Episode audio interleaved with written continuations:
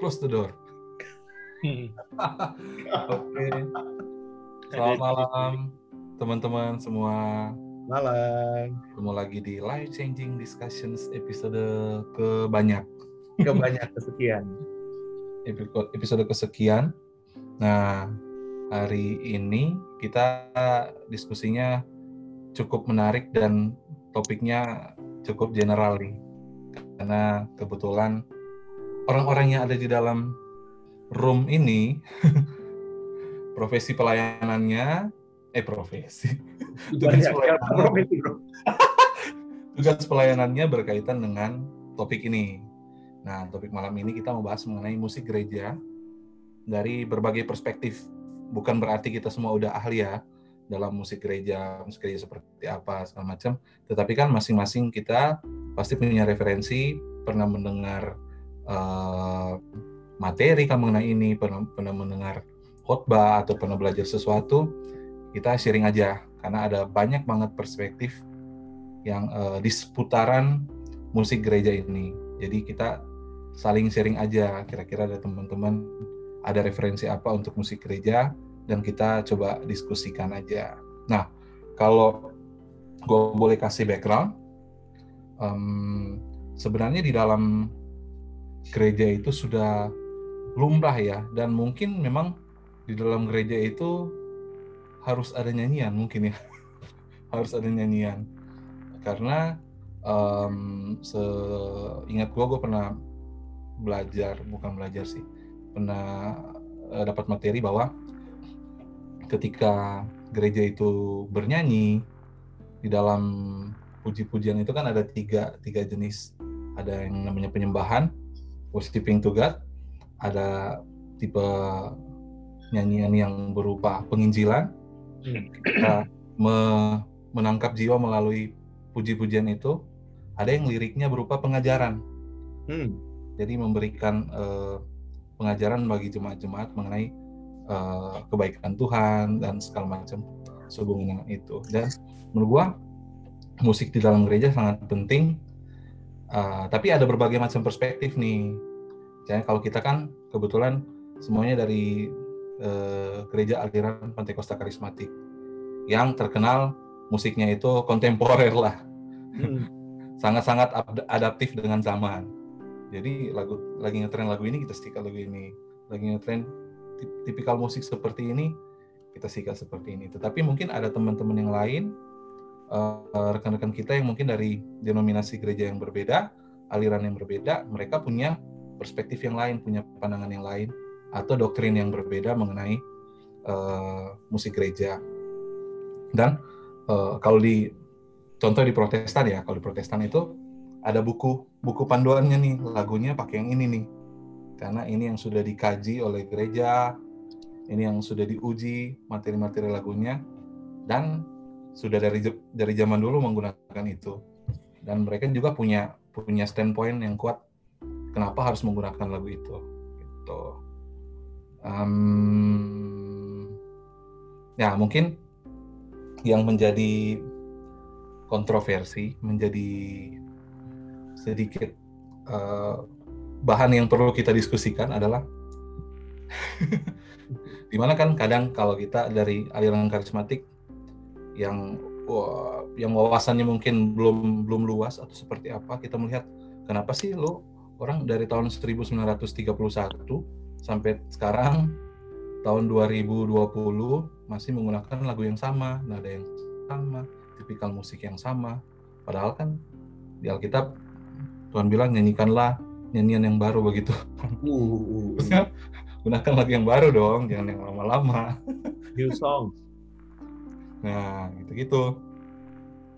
Um, terus kita lihat kalau tipikal ibadah seperti itu, musiknya seperti itu jadi terkesan kaku terkesan kaku jadi orang kurang uh, jemaat jadi kurang bisa ber, berekspresi untuk menyembah Tuhan melayani Tuhan segala macam. Nah di sisi lain yang lain ada uh, perspektif yang bilang bahwa lagu-lagu pujian, lagu-lagu penyembahan kepada Tuhan itu harus yang benar-benar ditulis sesuai dengan dalil-dalil Alkitab. Hmm, gimana Dan- bro? Lu harus jelasin eh, sedikit tuh. Itu nggak bisa, mungkin teman-teman yang dengar belum tentu paham tuh. Ya, jadi nggak boleh sembarangan katanya menulis lagu. Contohnya, eh, ya ada salah satu teman gua, dia bilang yang em, For the Lord God omnipotent reigneth. Itu God, kata God sengaja ditaruh di nada paling tinggi di ref itu. Dan itu eh, memberikan, eh, jadi menyiratkan bahwa di dalam pujian ini Tuhan itu the most the highest one itu. Menunjukkan kemahakuasaan Tuhan Tuhan yang tertinggi di atas segala-galanya. Gitu. Itu salah satu contohnya yang Haleluya Handel ya.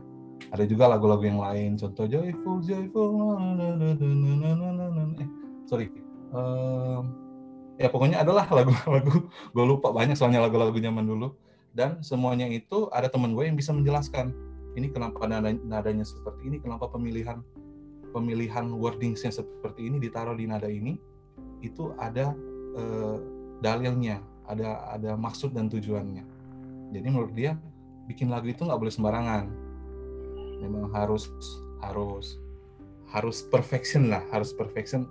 Karena ditujukan untuk menyembah Tuhan terus dia bilang sekarang dia lihat tren musik sekarang itu asal nulis eh, feeling merasakan sesuatu nulis lagu jadilah lagu rohani. Padahal harusnya penyembahan tidak boleh seperti itu katanya. Hmm. kita harus uh, memberikan yang terbaik bukan ba- based on our feelings tetapi harus ada dasar firman Tuhannya. Which is true juga sih itu itu benar. Dan menurut dia ada aliran-aliran musik tertentu yang seharusnya jangan dibawa ke dalam gereja. Karena menurut teman gue ya yang dari eh, aliran yang berbeda. Karena secara musik itu eh, mem- secara frekuensi musik itu justru merang- merangsang naluri kedagingannya manusia sebenarnya. Bukan Hmm. pada saat bukan jadi orang menyembah Tuhan dengan nada itu menyembah Tuhan dengan aliran musik itu fokusnya bukan untuk penyembahan pada Tuhan tetapi kedagingan. Jadi wah bergoyang bergoyang menyanyi memuji Tuhan eh, menari-nari sebenarnya untuk kepuasan diri sendiri bukan untuk menyembah Tuhan. Itu kecenderungannya seperti itu. Ya itu which is ada ada benarnya juga. Makanya sering terjadi clash sih. Makanya perlu kita diskusikan lah malam hari ini kira-kira seperti apa. Gimana teman-teman? Ada perspektif dari teman-teman mengenai topik ini musik gereja. Kita kan berhubungan sama musik semua nih. Ada pemain musik ada penyanyi ada worship leader ada dosen musik. Nah, tepat sekali, tepat sekali, tepat sekali, tepat sekali. kalau lu gimana Den? Menurut lu? Kalau menurut gua sih, jadi terlepas dari aliran ya, gua nggak karena gua nggak against lagu-lagu yang yang bisa dikatakan lagu-lagu yang ancient melody. Oh, ancient melody itu lagu ini. Jadi, jadi maksudnya kayak lagu-lagu yang ada di zaman dulu, terus lantas gue yang ada di sekarang yang umurnya ya bisa dikatakan masih muda gitu ya. Oh enggak itu mah dulu, itu enggak sekarang. Gue masih bisa merasakan hari Tuhan dari lagu-lagu yang dikatakan jadul gitu kan. Uh, jadi it doesn't really matter. Tapi kalau menurut gue memang uh, ini personal ya. Lagu itu ya berkembang sesuai dengan zamannya gitu. Jadi lagu rohani nggak bisa kita patokin. Ya udah itulah lagu yang yang apa namanya uh, untuk Tuhan tuh harus kayak begitu atau ya udah itu udah dipatenin karena dibuatnya juga dengan segala segenap akal budi ya kan kalau pakai bahasa Alkitab itu ya nggak kayak begitu juga gitu kan uh, harus berkembang gitu tapi tidak melupakan yang yang lama juga tidak merendahkan yang lama juga. Berkembang kayak tadi kalau dibilang ada musik-musik yang mendorong kedagingan ya itu makanya dari kreatornya aja. Dia tujuannya arahnya ke mana kayak gitu kan. Apakah memang dia fokusnya di situ untuk menggrab jiwa aja gitu kena di jiwa aja tapi ya udah asal jadi masukin kata Yesus di dalam rohani gitu sedangkan lagu lagu sekuler juga banyak pakai kata Yesus. Gitu kan? Jadi Mhm. gimana gitu kan? Kayak lagunya itu si uh, siapa? Beyonce ya? When Jesus Say Yes Nobody Can Say No Iya, terus kita mau bilang itu, oh itu lagu sekuler soalnya Beyonce. Kalau dia pas bikin itu emang buat Tuhan gimana? kita nggak pernah tahu, kita nggak bisa nggak bisa ngejudge itu juga kan, kayak gitu. Nggak tahu dari teman-teman yang lain gimana. Kalau menurut gue sih uh, harus berkembang. Musik itu harus berkembang dengan zaman aja. Karena berbeda. Orang setiap orang taste musiknya berbeda. Uh, ya akhirnya mereka musik itu kayak language gitu menurut gue ya hmm. kalau aliran musik atau uh, preference musik uh, genre-nya berbeda ya itu bahasanya mereka jadi kalau kita mau ngomong sama mereka ya mungkin lewat bahasa itu gitu nggak tahu menurut teman-teman yang lain gimana gimana teman-teman yang lain ada referensi yang berbeda atau ada perspektif yang berbeda Oh, Daniel open mic nih. Eh, gue dari pertama open mic. Oh. Bagai Tapi uh, kalau menurut gue sih, uh, ya kan gue gue tuh biasa juga baru tadi kan sebelum direkam kan kita ngobrol-ngobrol ini basisnya gimana sih. Tapi gue view gue tuh uh, gue lupa sih di Alkitab ngomongnya kayak gimana. Tapi kan memang uh, apa pun bisa kita lakukan untuk memuji Tuhan kan kalau nggak salah ya ayatnya gimana sih mohon berusaha ini atau teman-teman yang lain kalau nggak salah tuh ada kan ayat yang bilang kayak ya semua itu untuk memuji Tuhan gitu loh banyak gue lupa lah exactnya kayak gimana. Tapi uh, di sini kalau view gue atas musik-musik yang berkembang ya tadi yang gue tanya juga maksudnya uh, untuk teman-teman yang ber yang memiliki argumen bahwa lagu itu harusnya diciptakan sesuai dengan makanya kayak contoh tadi nah nah nah, nah God itu kan God paling tinggi. Nah itu basisnya di mana? Nah maksudnya dengan kita manusia uh, menurut gue ini ini menurut gue pribadi ya itu kan rumusan manusia sendiri kan untuk kita bikin lagu berarti oh God kita taruh nada di paling tinggi gitu loh ya itu merupakan bentuk penghormatan kita sebagai manusia pada Tuhan sehingga di lagu pun kita uh, taruh nada paling tinggi. Tapi nggak tahu ya ini view gue doang ya. Mohon maaf teman-teman yang lain. Itu kan rumusan manusia ya menurut gue ya. Maksudnya itu kan rumusan yang happen oleh sekelompok orang-orang yang memang uh, memiliki uh, kapasitas untuk menciptakan lagu atau seninya di level itulah sehingga mereka merumuskan ya di zaman itu pun tadi kalau nggak salah Adriel kan bilang memang semua itu atau ukurnya Tuhan Tuhan yang paling utama sehingga kalau lagu pun uh, fokusnya Tuhan. Nah, emang emang itu bukan sesuatu yang salah dan bahkan itu benar harusnya gitu. Cuma maksudnya untuk put Tuhan paling tinggi kalau menurut gue ya itu makanya gue penasaran gitu loh. Itu itu sebenarnya basisnya di mana sih? Kalau cuman berdasarkan uh, view bahwa itu merupakan bentuk respect dari kita manusia untuk menciptakan lagu.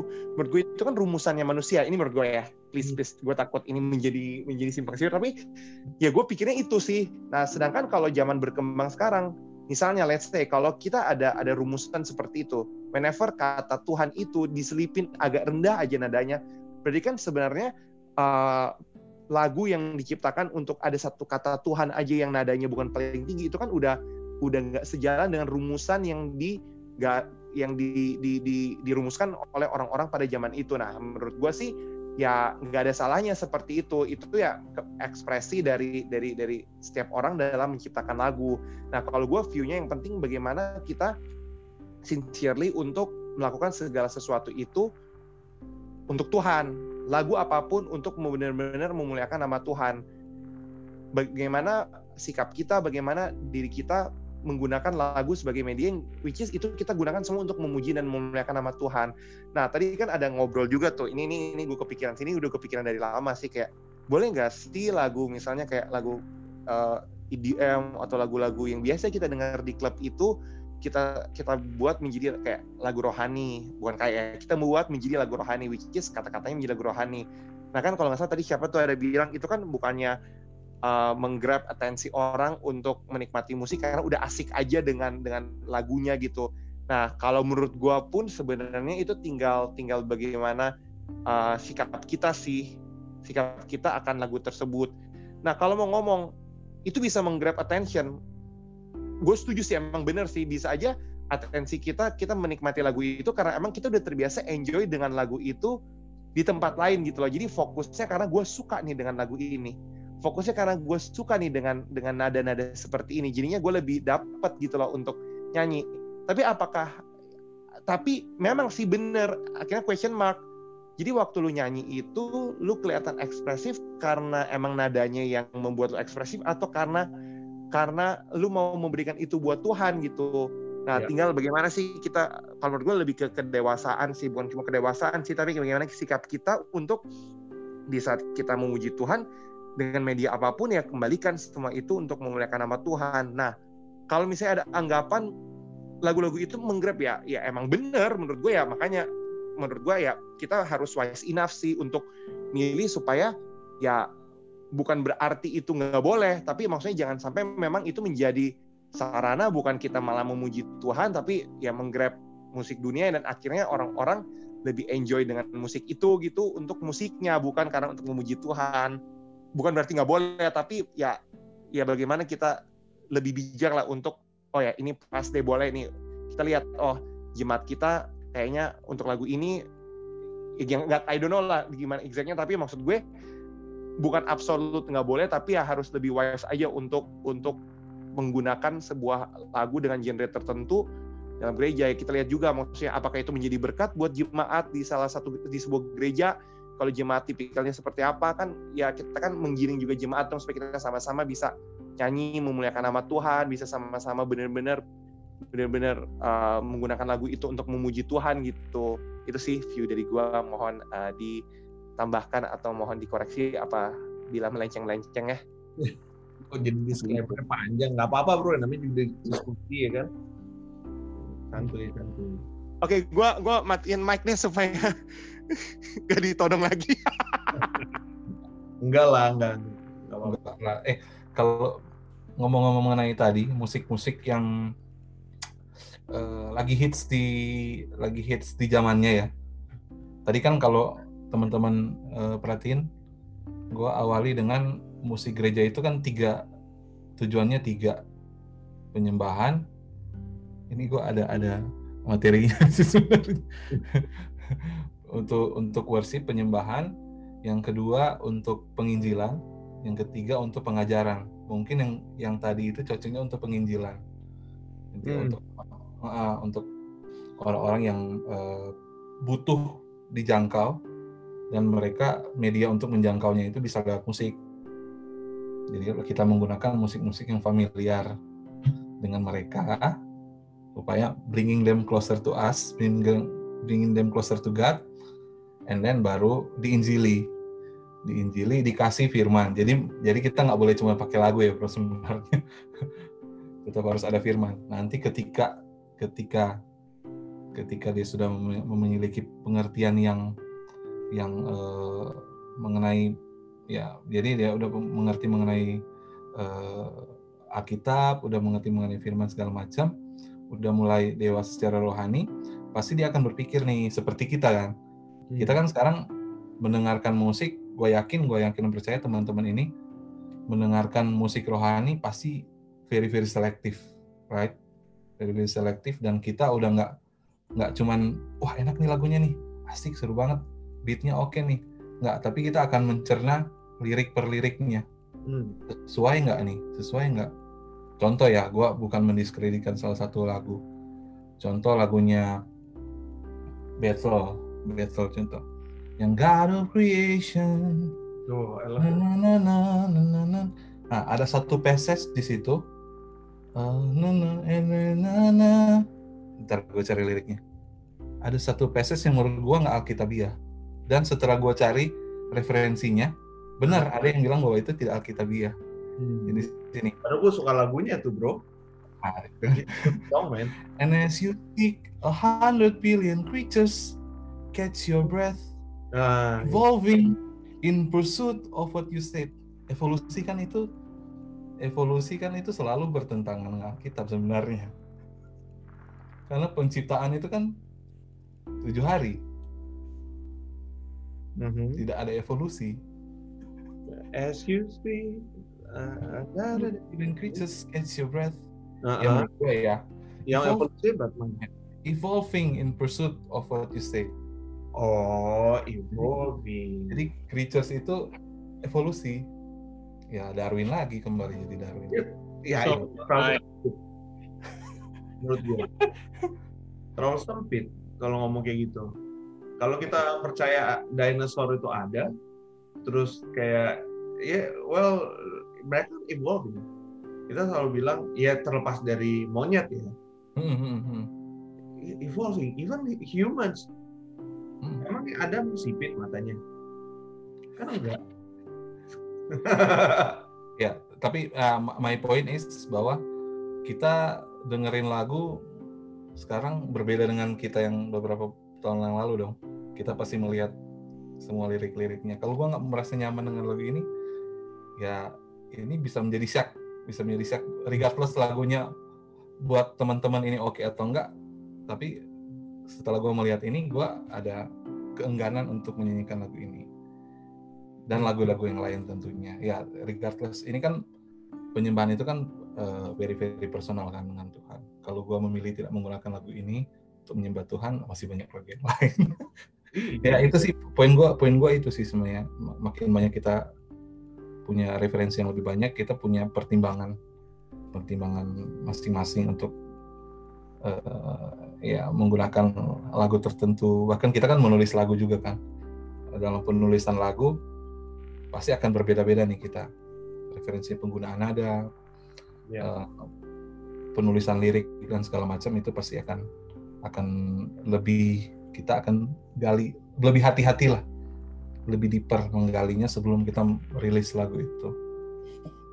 Tadi gitu lu tadi lu uh, bilang uh, bahwa mungkin lagu-lagu yang EDM itu arahnya tujuannya lebih ke Injil lah. Gue malah berpikir orang-orang yang sehari-harinya hidup dengan musik EDM, mungkin waktu dia masuk ke gereja justru mereka nggak mencari, justru bukan terinjili dengan lagu gereja yang beatnya EDM. Gue juga jus- justru ngerasa uh, mungkin kebanyakan orang-orang Hmm. Kristen yang tidak sempat bandel dalam hidupnya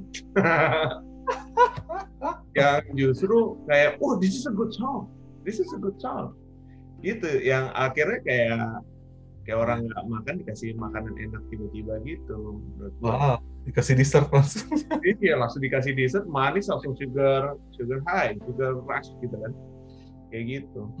Ya, makanya sih makanya ya benar juga sih Daniel bilang tadi. Jadinya walaupun kita ya, as, as a church as a worship leader as a musician kita sudah mengemas so, oke mungkin lagunya supaya gimana tapi kembali lagi ke personalnya sih. Mereka menangkap itu gimana. Iya ini terlepas dari dari genrenya apa ya. Bahkan Hmm. kalau lagi ngomongin lagu gereja bro ini kalau gue boleh jujur ngomong ya eh, lagu gereja kan identik oh lagu Kristen gitu buat orang Kristen. Nah gue pribadi ada satu lagu yang diciptakan bukan oleh orang Kristen yang bukan ditujukan untuk Yesus tapi itu menyentuh hati gue bahkan bisa bisa membantu gue dalam kutip gitu ya untuk menyembah Tuhan. Dengan menyebut nama ya gue oh gue suka banget lagu itu. I really love that song. Itu menyentuh hati gue banget gitu kan. Tapi apakah lantas oh enggak itu lagu untuk yang non Kristen gitu? Ya tidak dong. Itu kan masalah dari understanding masalah dari intention. Mhm. it's an expression gitu. Menurut gue ya. Hmm. gitu. Terus sih gue gue suka banget lagu itu. Itu kalau gue dengar gue bisa selalu bisa hati gue tuh bergetar dan gue bisa menangis gitu kan. Orang bilang wah itu mungkin jamaah dari Allah. Ya kita juga menyembah Allah gitu ya. Terus apa gitu? Teman-teman yang lain gimana? Ada itu nggak? Ada pengalaman mungkin di jamaah melalui lagu-lagu non rohani ya, quote and quote eh ada Kevin welcome Kev halo Kevin lagi Halo. eh halo halo gimana menurut teman-teman yang lain silakan mungkin ada yang lagi makan nih ya. Tadi ada yang lagi ngambil makanan kayak kita ah, makan dulu aja. Kev, kita lagi ya, kita lagi bahas mengenai perspektif tentang musik gereja sih. Jadi kayak um, nah ini wallpapernya wallpapernya dia ini Jesus is King. Kanye, Kanye West. gue personally suka sih lagu-lagunya. Dan setelah gue baca, emang liriknya mantep nih. Dia menceritakan pengalaman pribadinya dia kan. Hmm. Ada satu, hmm, ada satu lagu yang yang Jesus is King itu. Terus ada satu lagi gue lupa lagunya apa ya. Yang satu lagi yang, aduh, di di album itu dia cerita mengenai dia dan keluarganya. Mm -hmm. Suka sih. Eh, berbicara mengenai perspektif, ada perspektif yang lain lagi nih. Unik juga nih orang. Bilang gini, gue lebih suka lagu-lagu yang jadul, yang liriknya simple. Lagu-lagu pan Pantekosta zaman dulu. Liriknya simple, kayak cuma dua kalimat diulang-ulang. Karena apa itu, uh, simplicity is from the pure heart katanya. Jadi, uh, kalau sekarang kan mungkin mungkin ya ya benar juga sih. Sudah terkontaminasi dengan teori-teori musik. Hmm. jadi oh, menciptakan lagu harus begini nada harus begini pemilihan lirik harus puitis segala macam. Jadinya ya dia dia perspektifnya gitu. Jadi jadi kayak ribet lagu-lagu sekarang.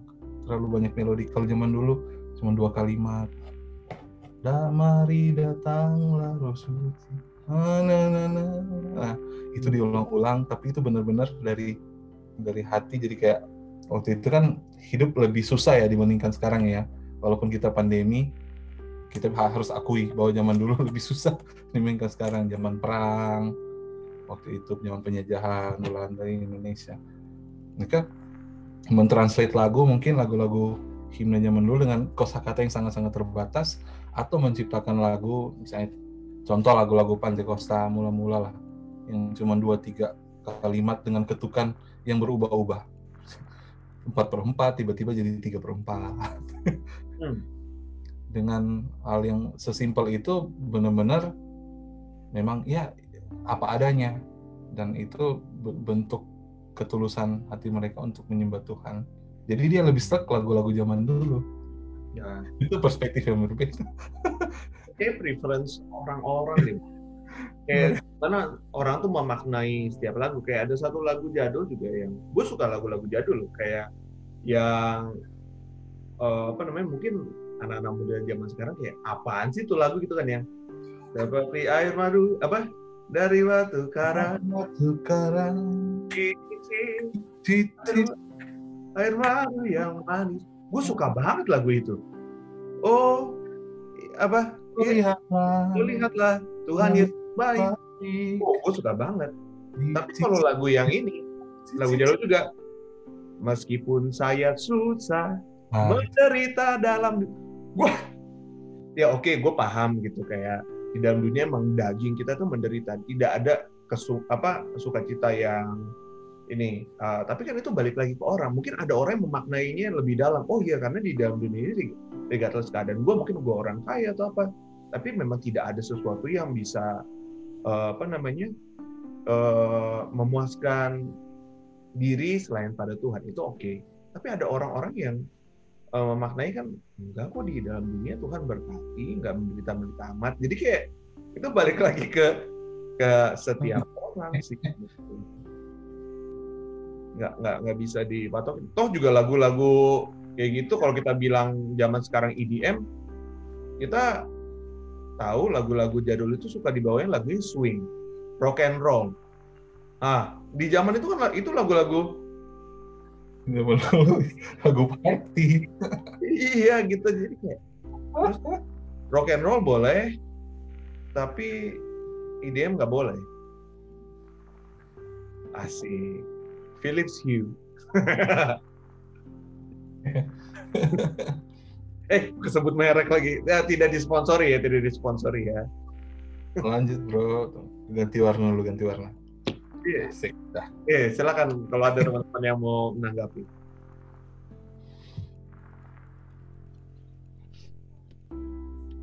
Gimana? Hihi. menurut gua nggak ada yang salah sih.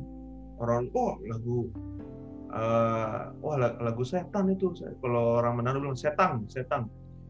Ya ya gimana? Nih aduh karena ya ya nggak tahu ya. Eh Klis ada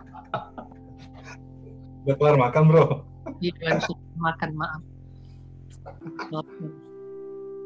ini bagaimana? Gimana Bin? musik dalam gereja musik dalam ini mengenai Bro Cliff perspektifnya Kalau dari saya sih deh video. Jadi Ya, gue biar teman nih rekamannya eh, musik kan itu kalau di gereja berarti erat kaitannya dengan nyanyian lagu kan sebenarnya. Nah, berarti ada kata-kata di situ lah.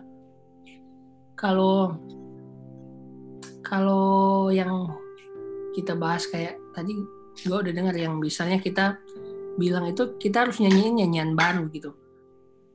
Which is itu dibilang di Mazmur kan itu si banyak kali si Daud bilang itu tentang nyanyikanlah nyanyian baru bagi Tuhan. Nah tapi gue mau baca ada satu ayat di Mazmur eh, yang kayak kenapa sampai Daud menyanyikan nyanyian baru? Apa sih yang dialami begitu? Di Mazmur 40 dari ayat 3 dia bilang gini, ia mengangkat aku dari lubang kebinasaan, dari lumpur rawa, ia menempatkan kakiku di atas bukit batu, menetapkan langkahku, ia memberikan nyanyian baru dalam mulutku untuk memuji Allah. Banyak orang akan melihatnya dan menjadi takut lalu percaya. Nah, jadi kayak eh, yang gua ingat ya dari ayat ini, sebenarnya kenapa ada pujian sih begitu di gereja? Kenapa ada nyanyian nyanyian yang diangkat di dalam sebuah pertemuan ibadah begitu? Sejak kapan sih? Itu gua nggak tahu sejak kapan itu terjadi sehingga kayak sekarang mostly 50% dari pertemuan ibadah itu bernyanyi 50% dengan khotbah ya plus plus sedikit informasi gereja begitu kan nah kenapa ada nyanyian mungkin ya menurut gue itu kalau dari yang kita lihat di yang Daud alami ya. Karena kan kalau nyanyian musik dan nyanyian itu di gereja sangat erat selalu diarahkan ke tentang Daud. Karena Hmm. Daud itu pemuji dia benari begitu. Eh kayak Daud sampai dia bisa bernyanyi kalau menurut gue pertama sih itu kalau mau ditarik-tarik ujung-ujungnya itu tentang kesetiaan Tuhan yang dialami sih begitu. Tentang kasih setia Tuhan yang dialami. Karena di ayat yang di Mazmur 40 tadi Daud itu lagi terpuruk lagi dirawah. Tapi Tuhan yang istilahnya kayak Tuhan yang menarik dia dari keterpurukan itu. Terus Tuhan yang taruh nyanyian di mulut dia.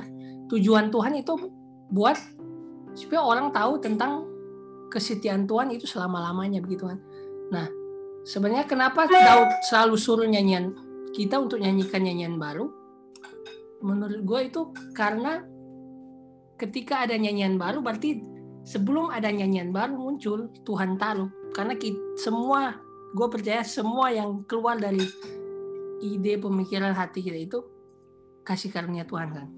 Nah ketika dari mulut kita itu keluar nyanyian baru berarti Tuhan yang taruh. Nah ketika kita bisa menyanyikan nyanyian baru berarti kita setelah mengalami kebaikan Tuhan istilahnya begitu.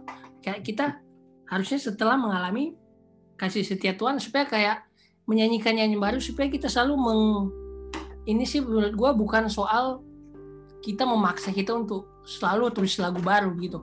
Bukan soal lirik lagu baru tapi kayak harusnya kita setiap hari itu mengalami kesetiaan Tuhan sehingga kita mengeluarkan dari mulut kita sebuah nyanyian yang baru yang ujung-ujungnya itu yang memuliakan Allah yang di ayat 40 tadi.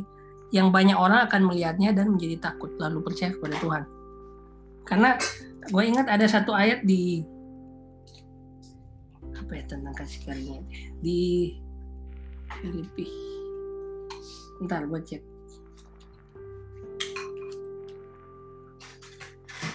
Mana ya? Ada ayat itu ya. Aduh. Lupa lupa. Efesus nih. Iya Efesus.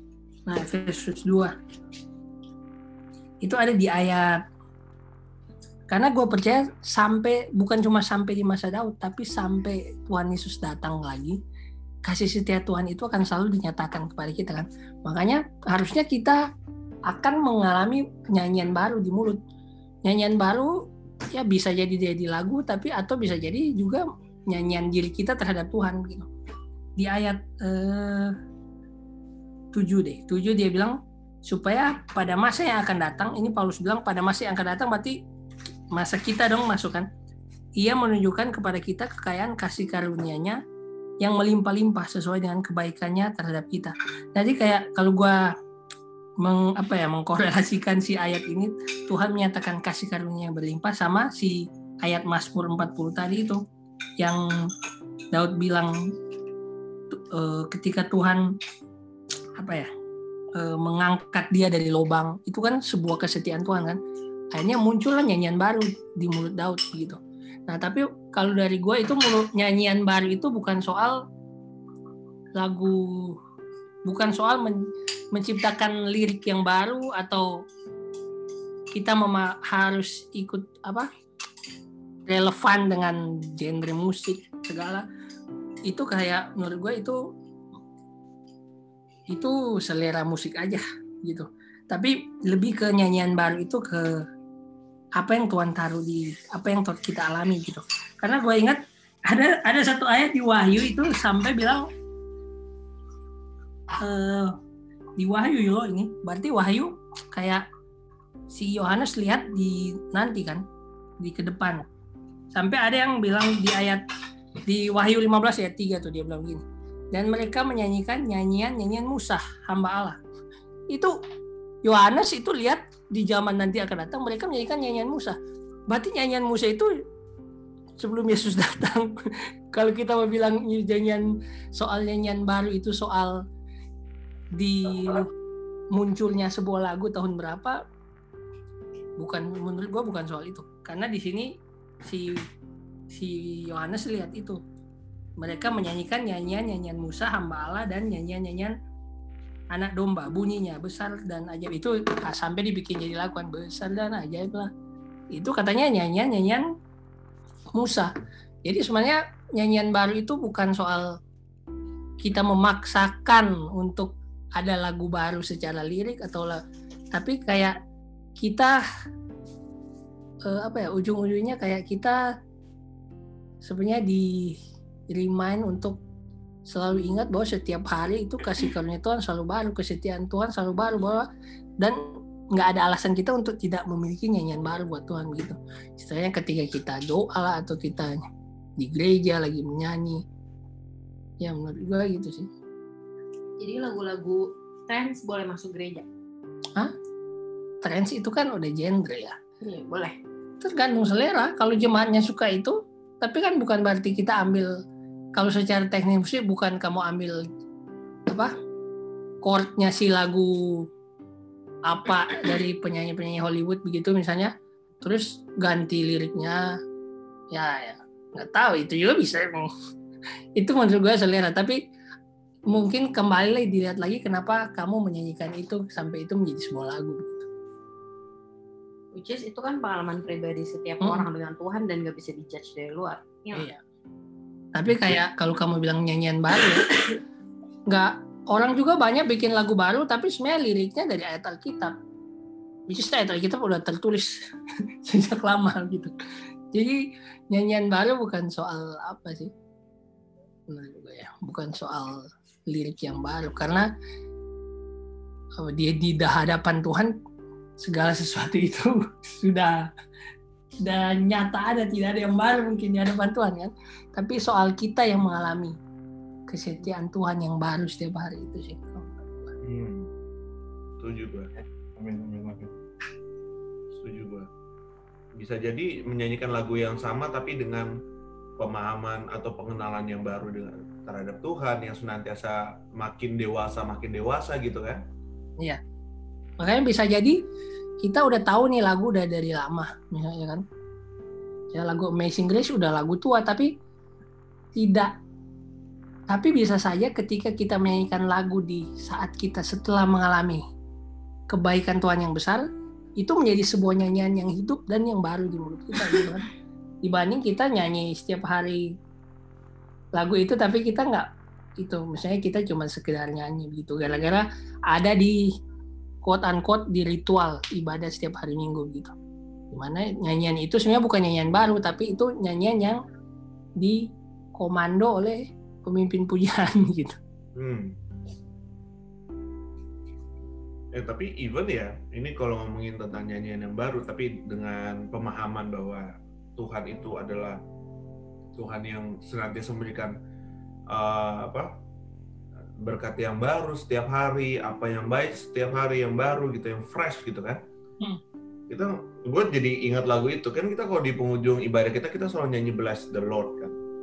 Setiap minggu gue selalu merasakan eh, apa namanya rawatan Tuhan maupun itu sebenarnya udah bagian dari eh, apa ya istilahnya rutinitas tuh kalau gue boleh sebut rutinitas ya itu memang ending dari ibadah biasanya seperti itu tapi saat kita menerima itu mendengar itu sebagai sesuatu yang memang senantiasa baru buat kita gitu ya ini adalah pujian yang fresh hari ini buat Tuhan ya feelnya beda gitu menurut gue ya Betul, ya. Tapi karena kayak Adri bilang tadi juga kan, ada orang yang stick ke lagu lama begitu. Karena dia rasa oh lagu lama kata-katanya lebih kuat.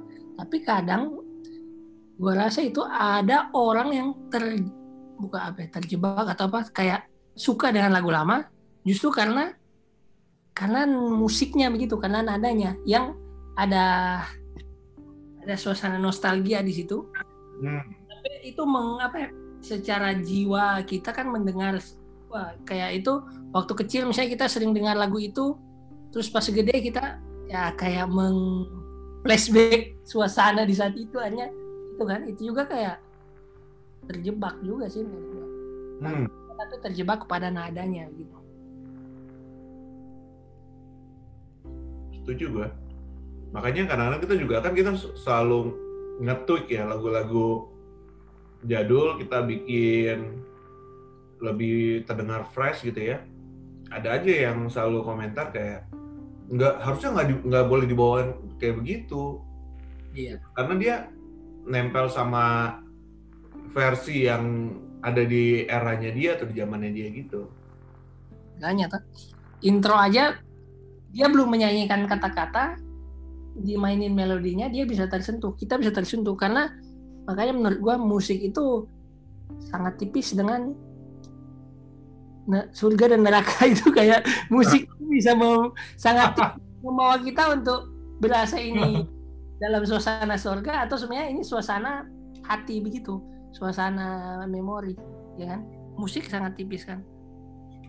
Hmm. kan lag- lagu-lagu sedih aja dia intro kalau lagu lagu apa sekuler gitu di intro kalau lagu itu udah pernah kita dalami resapi wah, intronya langsung kena kan? Aku menangis. Wah, nggak usah main kata-katanya itu cuma melodi. Langsung kena apalagi ditambah kata-kata kan? Begitu juga kadang di lagu rohani itu terjadi juga sih Iya sih, iya iya. betul. lagu Setuju Bang. lagu mengheningkan cipta aja Adriel bisa kepenuhan loh iya dengan Oke. seluruh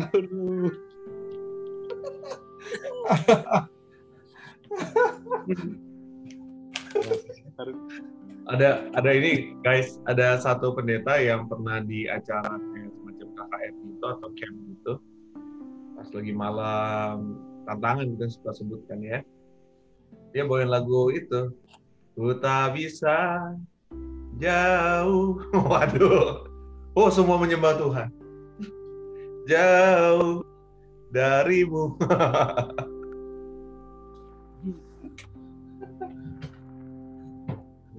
Iya, ada yang nyanyi lagu eh eh, aduh, gue lupa, gue lupa. Ini lagu lagu sekuler. Nah, dan kau hadir mengubah segalanya. ada loh, ada loh. Ada loh nyanyi lagu itu. iya you are my everything Jadi dari almarhum iya. nah mm-mm. Kita Bener sih kata Cliff. surga dan neraka tipis. Yang bisa menilai itu cuma Tuhan sih. Iya. Ketika kita nyanyi itu yang cuma bisa nilai Tuhan sih. Kristus dan antikristus itu tipis. Iya. Hmm. Wah, menarik tuh. Lucifer Ya kan? Kan antikristus akan muncul dari kita. Berarti tipis itu nggak kelihatan. Udah gitu si iblis juga jagonya di musik lagi. Ayo. Ya kan ya kan? Mm-mm, makanya. Keahliannya di musik. Terus, nah, terus kalau gua nggak salah nggak salah dengar, eh bukan nggak salah dengar sih. Gua lihat salah satu dokumenter kesaksian di YouTube bahwa ada salah satu gereja yang besar di Amerika yang lagu-lagu worshipnya itu sering kita dengar. Ternyata itu suasana worshipnya mereka itu sengaja di sengaja di setting. Jadi kayak Mm-mm. eh, gua gua nggak tahu sih eh, di dalamnya itu orang-orang benar-benar menyembah Tuhan atau enggak tetapi eh, ada hal-hal yang artificial contoh mereka sengaja eh, layout duduknya diatur dikasih di depan orang-orang yang ekspresif supaya me- mengajak jemaat-jemaat di bagian belakang kalau lihat di bagian depan wah mereka udah udah ini nih mulai ekspresif Iya. kita harus ikut ya terus dikasih eh, bau-bauan scent dikasih bau-bauan yang eh, yang menurut mereka zat kimia yang merangsang otak itu supaya lebih ekspresif Oh, bukan daun Oh. itu kan ya? Bukan daun singkong kan? kita nggak tahu mungkin aja ada ada aspek kayak gitu jadi kan sebenarnya udah tipis banget nih di, di layar kita melihat mereka lagi menyembah Tuhan tetapi di belakang layar itu ada yang artificial yang sengaja di di create oleh oleh gereja itu Orang-orang yang datang Iya. sebenarnya mereka juga datang mungkin dengan kerinduan kan. Tapi yang melakukan itu sih jadi kayak ya Alkitab bilang celakalah yang mengambil bagian dalam hal itu gitu kan. Hmm. Tapi Tapi kalau di zaman dulu eh, ibadah pada Tuhan pakai wangi-wangi ya, pakai dupa. Apakah salah? Sebelum ada Kristus tuh, kalau sampai sekarang kita masih pakai wangian, kita nggak menganggap Kristus dong. Nah, makanya kalau menurut gua Dan lupa. itu balik lagi ke intention orang-orangnya, gitu. Kalau menurut gua ya, nggak menurut gua nggak nggak nggak ya nggak selalu bisa langsung di ini. Oh berarti nggak mengakui adanya Kristus yang udah hadir dan me, me- seakan-akan udah bukan seakan-akan, maksudnya udah menggenapi semua yang ada di di perjanjian lama gitu kan. Mm, karena ya kalau kalau dari gue sih kan kita manusia itu eh, aspek jiwanya ini sangat-sangat eh, apa ya sangat-sangat reaktif misalnya kita ke kedukaan nih kita nggak kenal orang yang meninggal. Kita kenalnya itu eh, temennya orang yang meninggal. Tapi kita lihat teman teman kita itu lagi nangis kita bisa ikutan nangis. Secara jiwa kita empati segala macam kita bisa ikut. Nah mungkin yang yang gue lihat yang yang yang coba dilakukan oleh gereja ini ya aspek itu. Mereka mau sentuh aspek itu. Jadi di, di depan orang udah nangis nangis penyembahan segala macam di belakang dan dirangsang dengan bau-bauan ambience musik yang disetting segala macam jadi ikutan nangis Gitu. tapi sebenarnya bukan untuk Tuhan itu aspek Tapi emosional aja. aja tapi kita nggak tahu yang menilai kan Tuhan kan Iya, bisa aja kan mereka punya motivasi supaya bikin orang lebih kusuk gitu loh. Hmm. nah itu dia. Ya kayak kita juga kayak gitu nggak sih? Kayak kita create music kan kita sesuaikan dengan kayak Adriel bilang tadi kan kan apa eh, jiwa eh, bermain di area jiwa kan. iya iya iya Musik itu kan pengaruhnya eh, tubuh, jiwa dan roh gitu dan memang mostly di area um, kalau musiknya itu melodi itu di area jiwa sih. Mungkin kalau kita ngomongin lirik dan lain sebagainya mungkin dia baru bisa masuk ke ke alam roh ya. Uh, makanya setuju banget tadi udah dibahas kalau musik itu harus semuanya based on uh, based on the Bible gitu loh berdasarkan um, apa yang diajarkan di dalam Alkitab itu sih baru kita bisa bilang dia sebagai musik gereja sih kalau dia sesuai dengan firman Tuhan. Terus kalau ya mak yang kalau soal jiwa ya itu masing-masing orang punya preferensi sendiri. Tadi teman-teman udah bahas kan orang-orang yang lahir di tahun 50-an mungkin lebih suka swing dan lain sebagainya. Kita yang lahir di tahun uh, 80 90-an mungkin lebih suka ya ya pop dan uh, rock misalnya seperti itu. Um, nah nanti adik-adik atau anak-anak kita generasi berikutnya mungkin mereka akan lebih suka dengan uh, EDM dan lain sebagainya, uh, K-pop gitu ya. Itu yang dipakai untuk menyembah Tuhan ya, ya itu masalah jiwa aja sih menurutku ya. Jadi um, ya kalau ngomongin masing-masing gereja kan punya ininya sendiri-sendiri, punya doktrin dan punya uh, culture-nya sendiri-sendiri ya. Jadi kita nggak menurutku ya, kita nggak bisa ngejudge juga sih, kita nggak bisa menilai juga oh dia creating ininya. Somehow ya kita ngomongin sound system aja ya. Sound system itu Hmm. kan untuk apa tujuan? Untuk creating mood juga kan. Lighting untuk apa? Untuk creating mood juga kan. Hmm.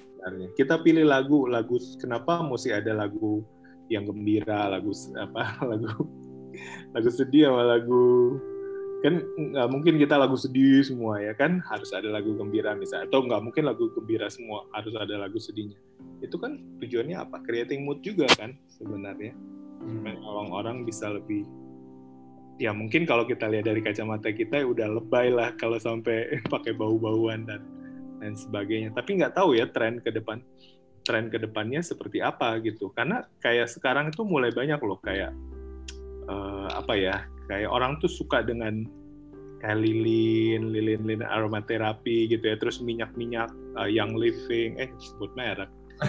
Eh, aromaterapi gitu gitu loh. Itu menenangkan sih merilekskan banyak orang kan. Yang orang banyak yang ngerasa ngerasa tertolong dengan itu. Namun kalau ke depannya itu dibawa masuk ke dalam ibadah ya nggak tahu gitu ya. Bisa aja sih menurutku. Asap. pakai fade kenapa? Pakai? Yang biasa diinjak hari. Dulu. Ingat gak kita ada asap-asap? Oh oke. Iya ya nah iya eh, Iya itu itu di mana ya sekarang ya? Kok udah nggak dipakai? rusak kayaknya. Asap itu jadi ya Bisa balik. harus ada yang nginjak atau udah rusak kali. Eh, ya balik lagi ini apa namanya eh, ya sejauh mana pengaruhnya ke jiwanya aja sih itu menurut menurutku. Eh, tapi kalau memang asap itu dimaksudkan untuk kayak dupa di perjanjian lama ya itu totally wrong gitu ya karena memang ya tadi Cliff bilang gitu kalau kita kan sekarang udah di bawah kasih karunia kita nggak boleh kembali ke ya ya kita tahu lah ada beberapa gereja tertentu yang mungkin masih ibadahnya masih kayak gitu ya masih ala perjanjian lama. Tapi kalau menurutku ya kita udah di dalam Kristus ya em, ya udah kita nggak pakai apa yang diajarkan di perjanjian lama kayak pakai dupa dan lain sebagainya pengorbanan binatang dan lain sebagainya itu perpuluhan. Eh, itu udah topik yang lalu jangan Iya. dibawa. Udah lewat, Tapi, udah lewat ya, udah lewat. Lanjut lanjut. ya, jadi apa namanya eh, ya kalau karena kan memang Tuhan bilang kasihlah Tuhan Allahmu dengan segenap Hmm. dengan segenap jiwamu Iya. gitu. Nah, jadi ya jiwa ini memang peranannya besar dan tadi udah dibahas tentang Mazmur juga. Mazmur itu kan isinya tentang eh, pengalaman hidup kebanyakan dari Daud ya. Ya. Eh, yang isinya benar-benar eh, kejujuran semuanya gitu ya. Nah musik gereja tuh menurutku juga haruslah musik yang jujur sih.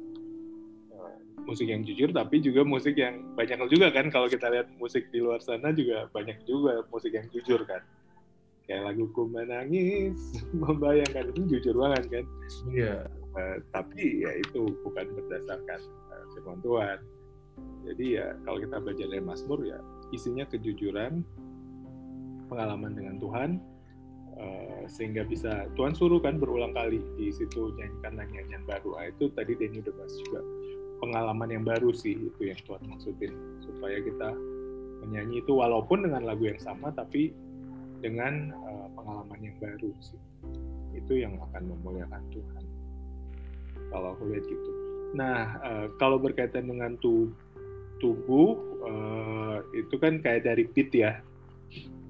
Eh, misalnya, ya kita dikasih beat aja, dup, dup, dup, dup, itu kan Iya. pasti itu udah at least pengen goyang gitu kan. Eh, jadi, ya jangan sampai tujuan musik itu kita create hanya sampai di situ aja, supaya anak muda bisa lompat gitu kan udah joget. Nah itu uh, cetek banget sih, hanya sampai ke tubuh aja sih yang dipengaruhi. Tapi harusnya lewat uh, melodi dan juga menyentuh ke jiwa itu mungkin tahu ya. Kalau aku pikir mungkin lewat kata-kata yang ada di dalam di dalam lagu tersebut ya, itu yang bisa menyentuh uh, roh kita gitu ya, untuk bisa connect sama Tuhan di dalam setiap kita menyanyikan uh, lagu-lagu gereja. Begitu. Hmm. Ini kayaknya sempat dibahas sama Bro Sam juga di waktu conference itu ya, authentic ya, terkait musik ya.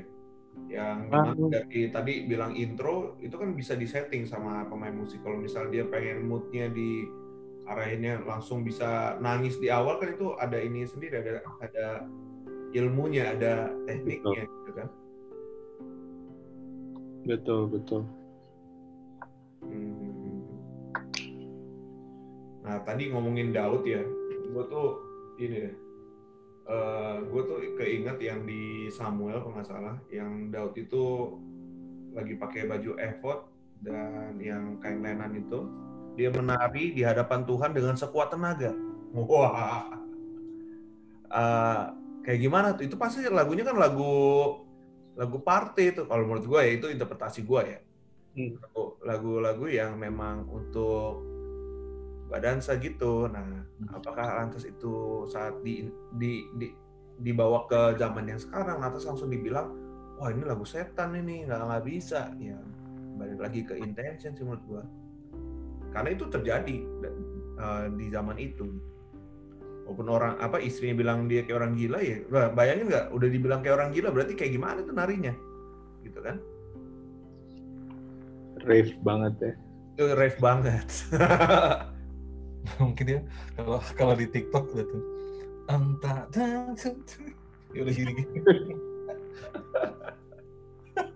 Bro Sam, Yes. tapi gua mau nanya nih. Gua, belum semua sih gua baca kitab-kitab Paulus ya. Tapi so far yang gua baca itu Paulus itu jarang ataupun tidak pernah menyebutkan soal musik-musik begitu, musik nyanyian. Or bahkan Yesus kan. Nah kalau kita lihat dari situ, bagaimana ya itu? Di perjanjian baru tuh cuma tiga kali kalau nggak salah di di tentang musik ya. Jadi Yesus pas makan pas makan malam itu makan malam lagi apa perjamuan terakhir. Last Supper, Last Supper. Last Supper itu kan ada dibilang mereka menyanyikan lagu pujian kan. Ya. Uh, terus uh, kisah Rasul waktu si Paulus dan Silas di penjara itu juga mereka menyanyikan. Sama Paulus ada ngomong yang tentang apa ucapan bibir Ya, menyenangkan. itu apa? Allah. Nah, bro di Ibrani ada loh bro Ibrani ada ya. Ibrani itu Kristus menyanyikan pujian kepada Allah di tengah jemaat gerejanya Oke, sama yang terakhir tadi klip udah bilang yang di Wahyu. Ya. Jadi memang nyanyian kemenangan hmm. Wahyu itu nyanyian kemenangan kan ya uh, di Wahyu itu ya. Tunggu lagi cari yang ayat itu di mana sih uh, yang Ayo lima kayak. enggak ucapan bibir yang memuliakan Allah itu nyanyian rohani ya dibilang di ayat itu ya. Ya Efesus ya, Efesus 5 ayat 19. Dan berkata-katalah seorang kepada yang lain dalam Mazmur, hidung puji-pujian dan nyanyian rohani, bernyanyi dan bersoraklah bagi Tuhan dengan segenap hati.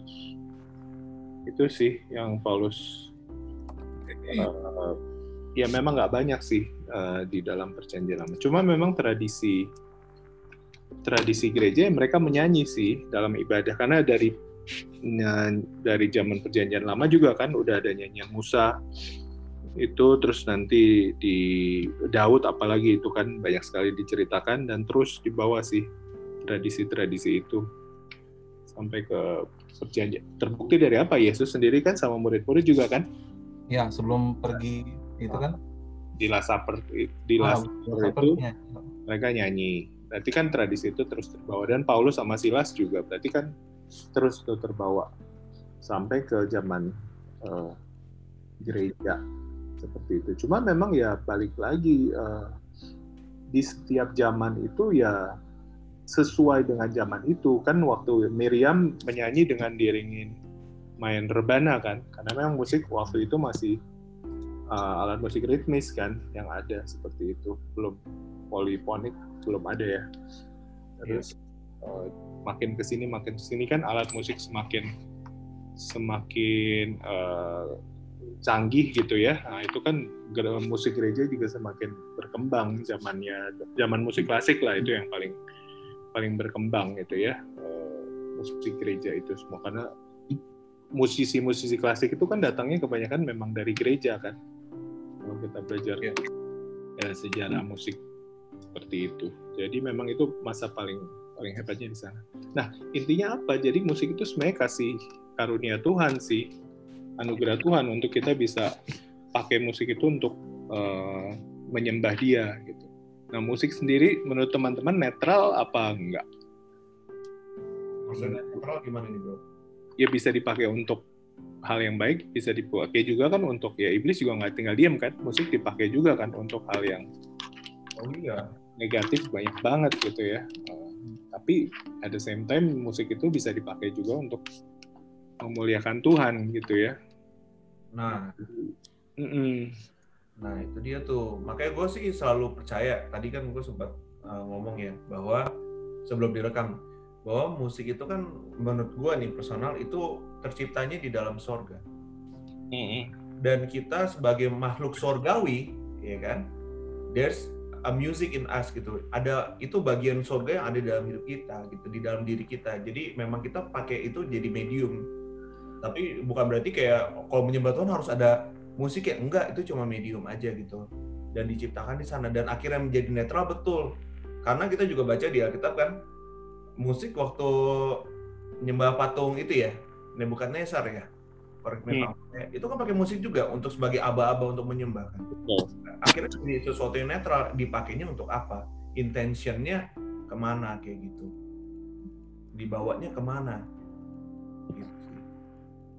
Dan wajar juga nggak sih sesuatu yang musik itu sesuatu yang bisa men, kalau orang bilang menusuk ke relung-relung jiwa ya kayak gue Hmm. belum menemukan orang yang um, totally nggak suka musik kayak dia bisa aja eh, nggak nggak nggak apa ya nggak tergila-gila sama musik tapi at least dia jadi penikmat musik tuh pasti gitu kayak dengerin some some genre of music tuh pasti eh, ada yang nggak ada yang kayaknya tuh nggak suka sama sekali sama musik karena kayaknya musik tuh emang sesuatu yang benar-benar bisa merasuk gitu loh masuk gitu. Bahkan kadang-kadang denger satu musik yang sedih aja lu padahal lagi nggak sedih lagi happy happy bisa aja tiba-tiba jadi terbawa kan gitu. Dan wajar untuk iblis masuk ke sana gitu karena ya kayak tadi mungkin Denny bilang uh, musik diciptain di sorga uh, dipakai mungkin awalnya untuk hal-hal yang luar biasa untuk memuji menyembah Tuhan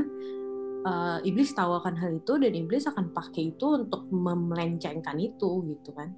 Bah- udah terbukti dari awal bahwa Lucifer aja juga istilahnya dibikin sombongnya kan dari sisi itu juga kan dari sisi musik itu kan. Jadi kita juga nggak boleh buta bahwa yes musik itu netral segala sesuatu bukan cuma musik doang tapi segala sesuatu yang kita suka yang kita nikmati itu bisa aja iblis pakai atau putar untuk sesuatu yang baik gitu dan kayak kalau untuk worship sendiri mungkin teman-teman bisa baca juga deh. Gue tuh uh, lumayan suka sama passage-nya uh, The Purpose of Driven Life uh, bagian uh, bagian Worship. perikop yang judulnya Worship That Pleases God. Jadi penyembahan yang uh, memuliakan Tuhan gitu. Kayak gue sempat highlight beberapa sentence yang benar-benar menurut gue oh ya nih intinya tuh sebenarnya ini gitu. Mungkin gue share kali ya dikit kayak misalnya Tuhan bilang God wants all of you. Tuhan tuh mau semua yang ada dari kita gitu loh ketika kita worship gitu kan.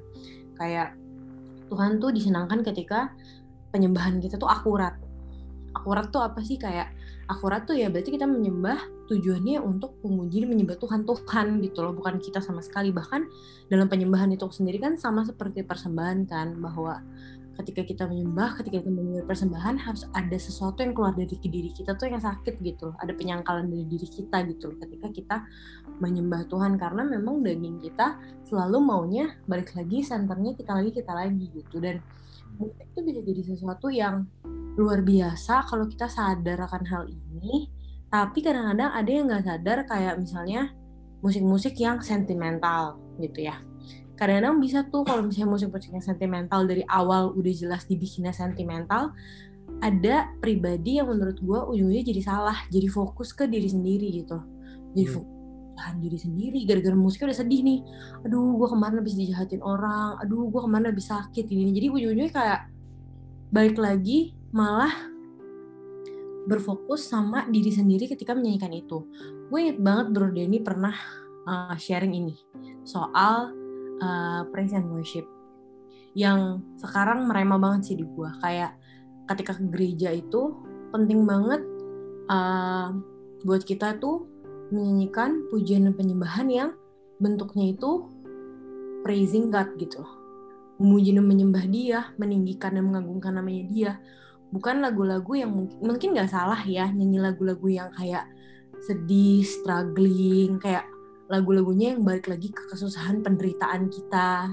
Sebenarnya nggak salah menurut gue, cuman kayak iya ya, kayak kalau di gereja tuh sebenarnya eh, ketika ada saat itu tuh memuji dan menyembah Tuhan tuh fokusnya tuh di dia gitu loh. Lagunya tuh fokusnya di memuji dan menyembah dia gitu loh. Tapi ya ketika kita berdoa mungkin sendiri sama Tuhan gitu ya. Itu baru deh gitu kita fokus kayak oh Tuhan eh, kita butuh Tuhan untuk ini untuk itu untuk ini untuk itu bawa semua needs-nya kita gitu. Tapi kadang-kadang kayak ketika gereja jadi fokusnya tuh ke apa yang kita butuh kita kita kita kita kita. Nah kadang tuh bisa kayak agak uh, ter apa ya ter termelenceng lah istilahnya termelenceng di sisi itu gitu. Jadi kayak hmm ya ya bener juga bener juga. Berarti kalau misalnya memuji Tuhan tuh penting juga aspek bahwa ya udah pujian itu penyembahan itu pure it's all about God gitu loh it's all about God it's all about worshiping Him. Nah, makanya kita kan sebagai apa namanya eh, pelayan di di gereja, ya terutama song leaders ya. Kita kalau menyusun lagu ya terlepas dari ya harus berdoa dulu, apalah apalah gitu. Sebenarnya ada rumusannya gitu kan. Kita harus tadi kalau tadi ujungnya kita menyembah sama Tuhan, tapi di layer-layer awal kan kita acknowledge dulu apa namanya apa yang terjadi dalam diri kita, kita baru mengakui apa yang Tuhan sudah buat mengalir terus baru ujungnya kita apa eh, cream and cherry on topnya itu adalah benar-benar yang Hmm. udah ke Tuhan aja jangan kita lagi gitu kadang-kadang kan memang dibikin ada story-nya gitu kayak kemarin Bro Daniel lagi ini di break sebentar Daniel juga yang minggu lalu tuh keren banget. Dia bikin eh, dia udah eh, atur eh, sedemikian rupa. Dan di ujungnya tuh yang eh, apa lagunya aku percaya akan dia. Itu buat dia gitu buat Tuhan gitu. Akhirnya itu menyentuh sampai gue datang ya jujur ya ini sorry ya netizen. Gue datang telat gitu. Tapi waktu gue masuk dia ngebawain lagu itu wah itu gue langsung bisa ngerasain wah ini isis wah hadirat Tuhan wah kental banget berasa banget gitu. Di situ ya itu rumah Tuhan dia ada di situ gitu. Tapi itu akhirnya jadi teramplify dan ya itu di saat kita benar-benar udah ngelepas semuanya udah bukan tentang kita lagi ya semuanya tentang Tuhan. Betul setuju banget soal kata-kata itu juga penting. Terus kayak balik lagi ke sisi music and worship. Sebenarnya kan kata-kata juga kalau kita nggak minute juga sama aja ya. Jadi kayak worship that pleases God itu juga menurut gua sedikit banyak malah paling banyak itu soal sikap hati kita ketika kita menyanyikan lagu itu gitu. Kayak kalau melodi gue inget juga kayak pernah ada yang bilang eh, cara menyembah orang tuh beda-beda gitu. Kayak ada orang yang suka menyembah dengan cara bernyanyi ada orang yang suka dengan cara menari ada yang suka dengan cara misalnya kayak um, bersaksi atau misalnya menikmati alam, menikmati alam dan melihat keluar biasaan Tuhan karena dia pengagum alam gitu misalnya naturalis ya orang bilang ya. Kayak meng, kayak mengagumi alam sampai ketika dia melihat alam yang luar biasa dijadikan Tuhan tuh dia benar-benar in awe gitu loh kayak oh Tuhan luar biasa dia dia benar-benar worshiping God melalui pengalaman dia itu karena dia seorang naturalis gitu. Jadi sebenarnya kalau Tuhan membuat kita, ini balik lagi, ini salah satu salah satu quote-nya Rick Warren juga sih yang di buku uh, Purpose of Driven Life Worship That Pleases God.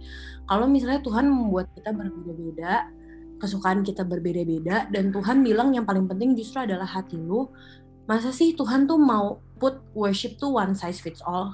Kayak harus begini gitu loh. Harus begini, kayaknya kemungkinan besar enggak, karena setiap orang memuji Tuhan dengan uh, caranya sendiri di mana hati dia tuh bisa terangkat dan naik sesuai dengan personalitinya dia ya. Entah itu nyanyi, entah itu menari, entah itu menikmati alam gitu ya. Contoh-contohnya seperti itu gitu. Jadi kayak ngomongin musik bener juga sih. Kayak zaman dulu mungkin menyanyi pakai rebana ya kan?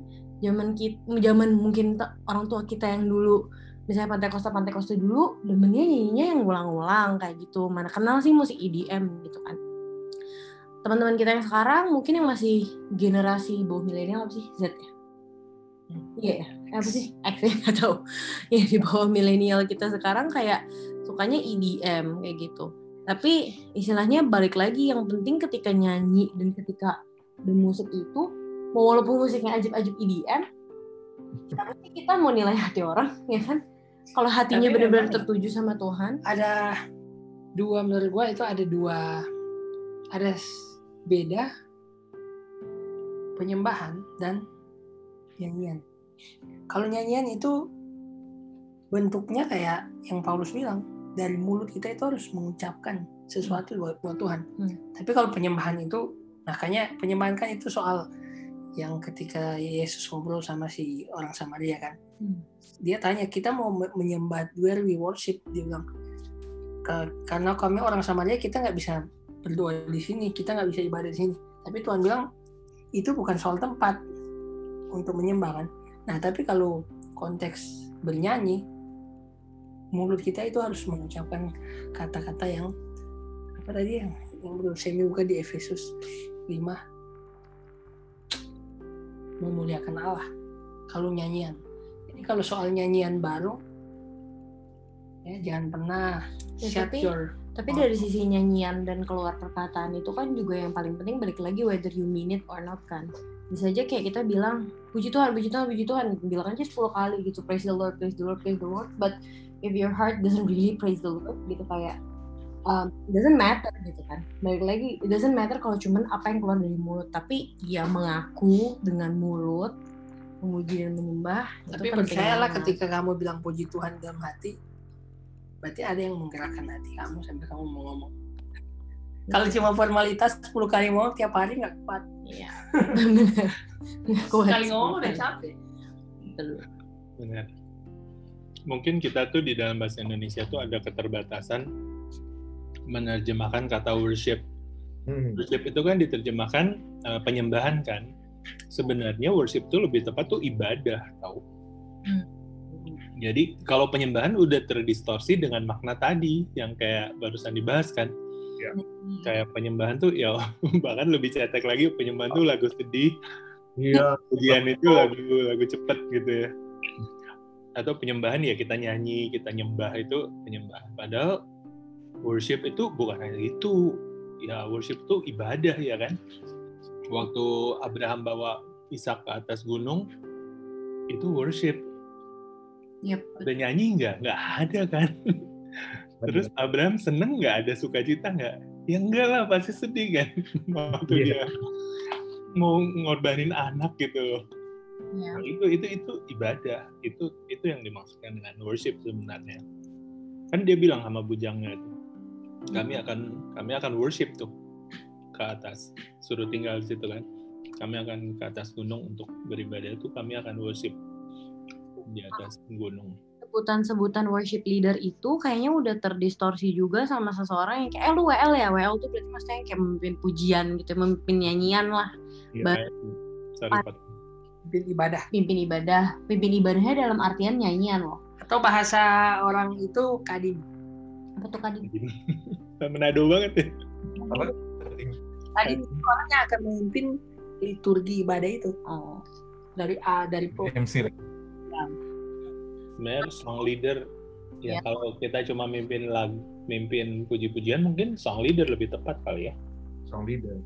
Gue lebih suka ter- terminologi song leader sekarang daripada worship leader.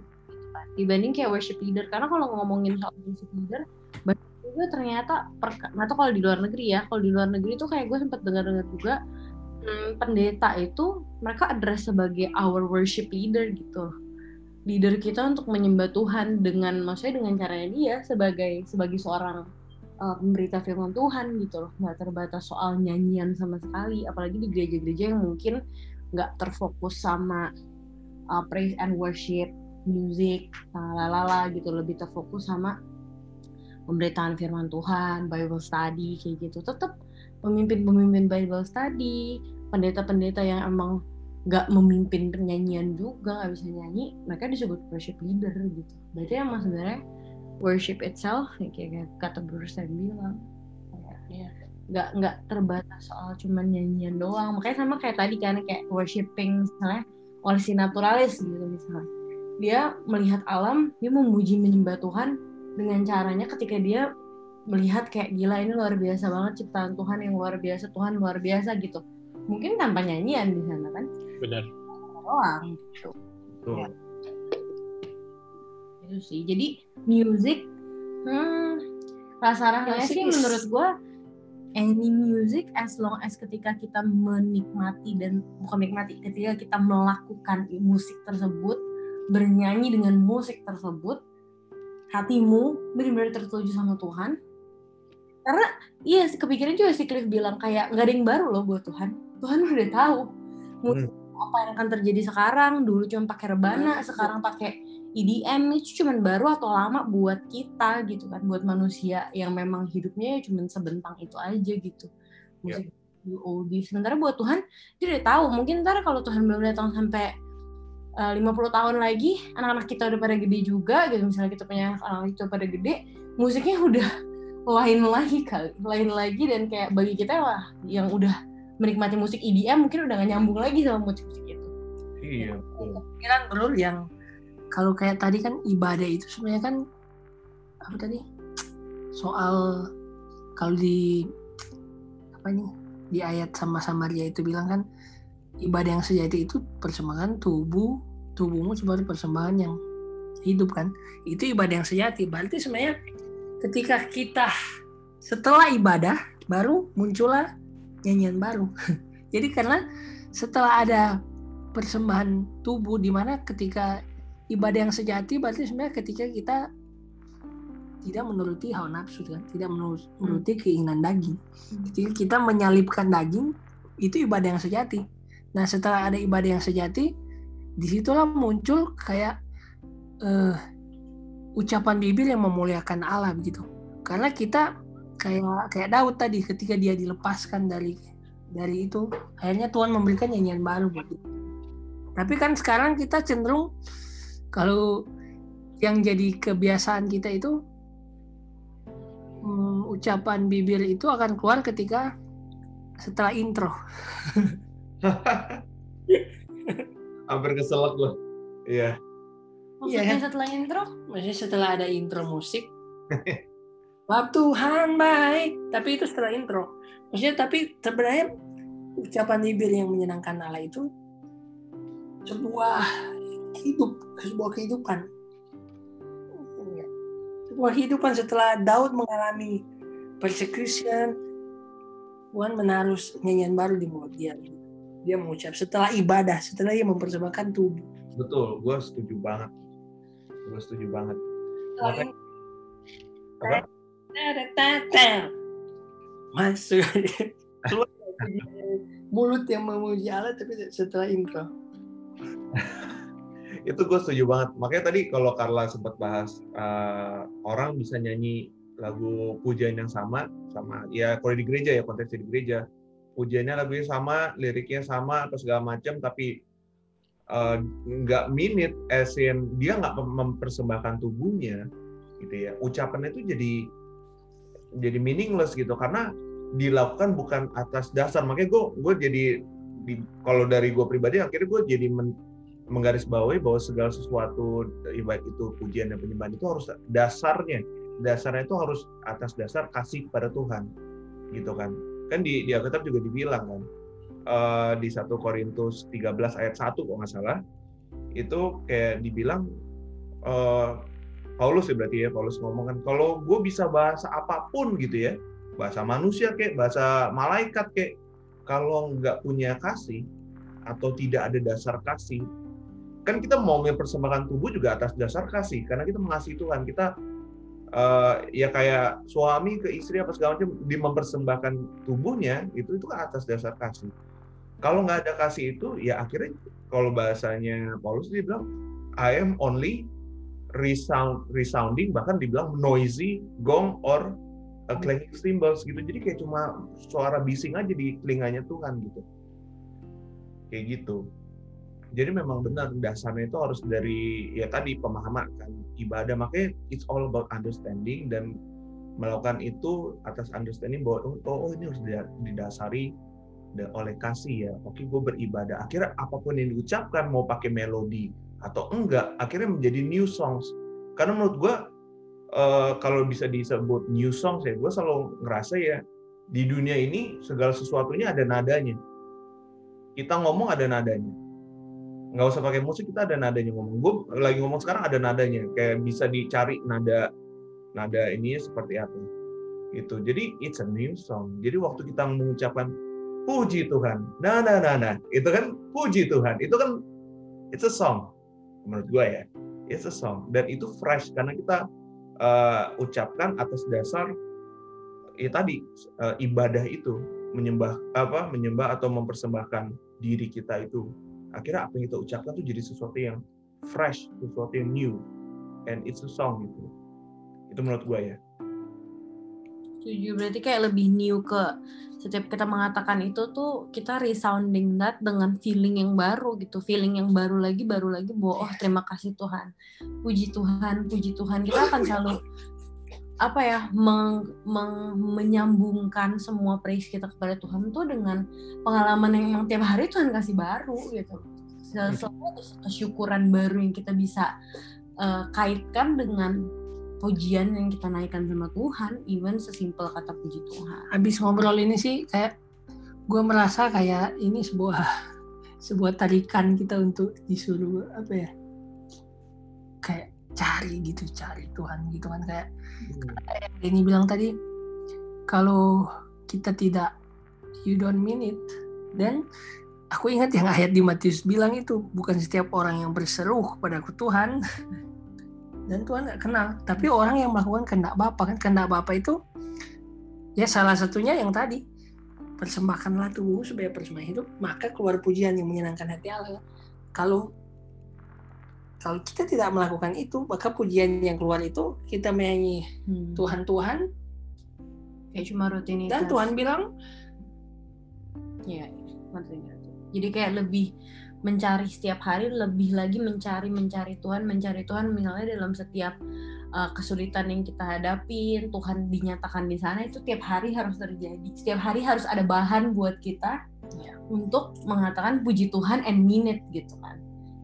Tanpa tanpa kita mencari Tuhan, kita akan terjebak dalam kata-kata memuji Tuhan, puji Tuhan, tapi cuma sekedar kata-kata gong gong gong aja gitu karena kita nggak menghidupi itu karena kita nggak mengalami itu kita nggak mengalami itu karena kita nggak mencari Tuhan gitu. berarti kita mesti mengizinkan dan mesti apa ya me- mensyukuri kalau kita dalam kelemahan Hmm. Setuju gua. Makanya kalau kita dengar orang penyembahan ya, haleluya, kita suka ketawain gitu. Tapi menurut gua bisa jadi yang kayak gitu eh, itu adalah setiap katanya, setiap kali ha- haleluya yang pertama, haleluya kedua itu bisa jadi new song. Jangan-jangan di dalam perenungan dia waktu dia lagi mengatakan itu itu dia lagi ngebayangin dirinya sendiri itu tadi lagi dikorbankan lagi disembelih gitu ada bagian-bagian dalam hidupnya akhirnya di di uh, dia dipersembahkan lagi disembelih gitu akhirnya setiap ucapan itu yang kadang kita kedengaran lucu itu enggak enggak enggak menjadi sesuatu yang lucu di di telinga Tuhan itu menjadi sesuatu yang manis sesuatu yang fresh sesuatu yang baru walaupun nadanya sama agak lucu gitu. Makanya kita sebenarnya nggak nggak bisa ngejudge uh, kayak mau cara orang mau menyembah atau mengucapkan kata-kata yang merupakan ibadahnya dia gitu kepada Tuhan gitu ya. Kalau mau pakai konteks lagu juga dia mau pakai lagu apa pun gitu ya. Dulu eh sekarang ada EDM electronic dance music, dulu pakai RDM rebana dance music ya terserah gitu. Balik lagi uh, lebih ke intentionnya, lebih ke dasarnya itu atas dasar apa dia dia bikin itu, atas dasar apa? Mungkin itu language-nya dia. Kalau itu musik idiom ada language-nya dia dan dia bikin atas dasar kasih, itu tidak menjadi suara bising di di telinga Tuhan menurut gue ya. Cuma memang kita nggak bisa memungkiri bahwa setiap musik itu ada ada korelasinya dengan kegiatan-kegiatan sesuatu. Makanya mungkin ini jadi sesuatu kontroversi kan yang kayak kalau misalnya EDM kayak kesannya ih kok kayak di klub sih nggak kayak di gereja klub aja kalau mendengar musik EDM padahal kan sebenarnya intinya bukan itu. Intinya adalah uh, memuji Tuhan baik lagi dengan musik apa pun itu. Tapi mungkin bagi segelintir orang yang memang bukan penikmat musik EDM nggak suka generasi yang lain mungkin gitu jadi mengkonotasikan itu dan mengkorelasikan itu sebagai sesuatu yang quote unquote duniawi atau hmm. ya ya dosa gitu yang kasar dosa gitu kan dan nggak bisa terima. Nah, jadi menarik karena tadi kan si musik itu kan netral. Iya. Nah, sedangkan kan tadi teman-teman udah bilang bahwa uh, musik itu bisa diciptakan sesuai dengan intention masing-masing. Kayak misalnya tadi musik EDM. Itu kan diciptakan dengan intention untuk apa? Untuk dipakai untuk uh, EDM itu datang dari musik dari apa ya? Rootnya itu kan mungkin dari dance music ya. Di, uh, kalau di tahun 70 80 mungkin bilangnya disco gitu ya. Hmm, yeah.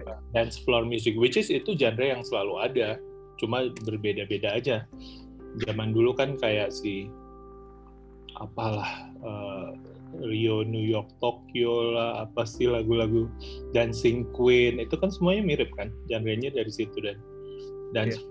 kemudian sampai datang ke Lady Gaga sampai uh, Michael Jackson dulu terus Lady Gaga sampai sekarang terus yang EDM itu nah perlu dicek lagi intention itu dibuat untuk apa seperti itu Nah jadi cocok nggak gitu musik kayak gitu dipakai untuk menyembah Tuhan walaupun liriknya kita kasih rohani gitu ya.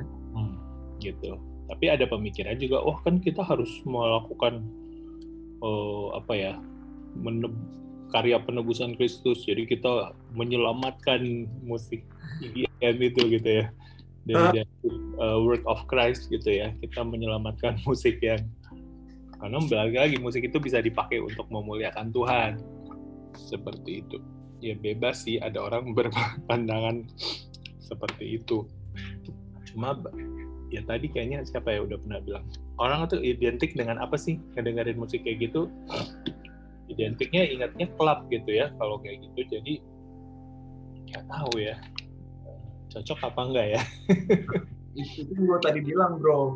Kalau ya buat generasi-generasi yang mungkin udah lebih uh, senior, gue nggak bilang tua ya, senior, mereka bilang oh musik gereja tuh yang uh, kayak gini, tapi pas kita dengar oh rock and roll, zaman dulu rock and roll ada di mana?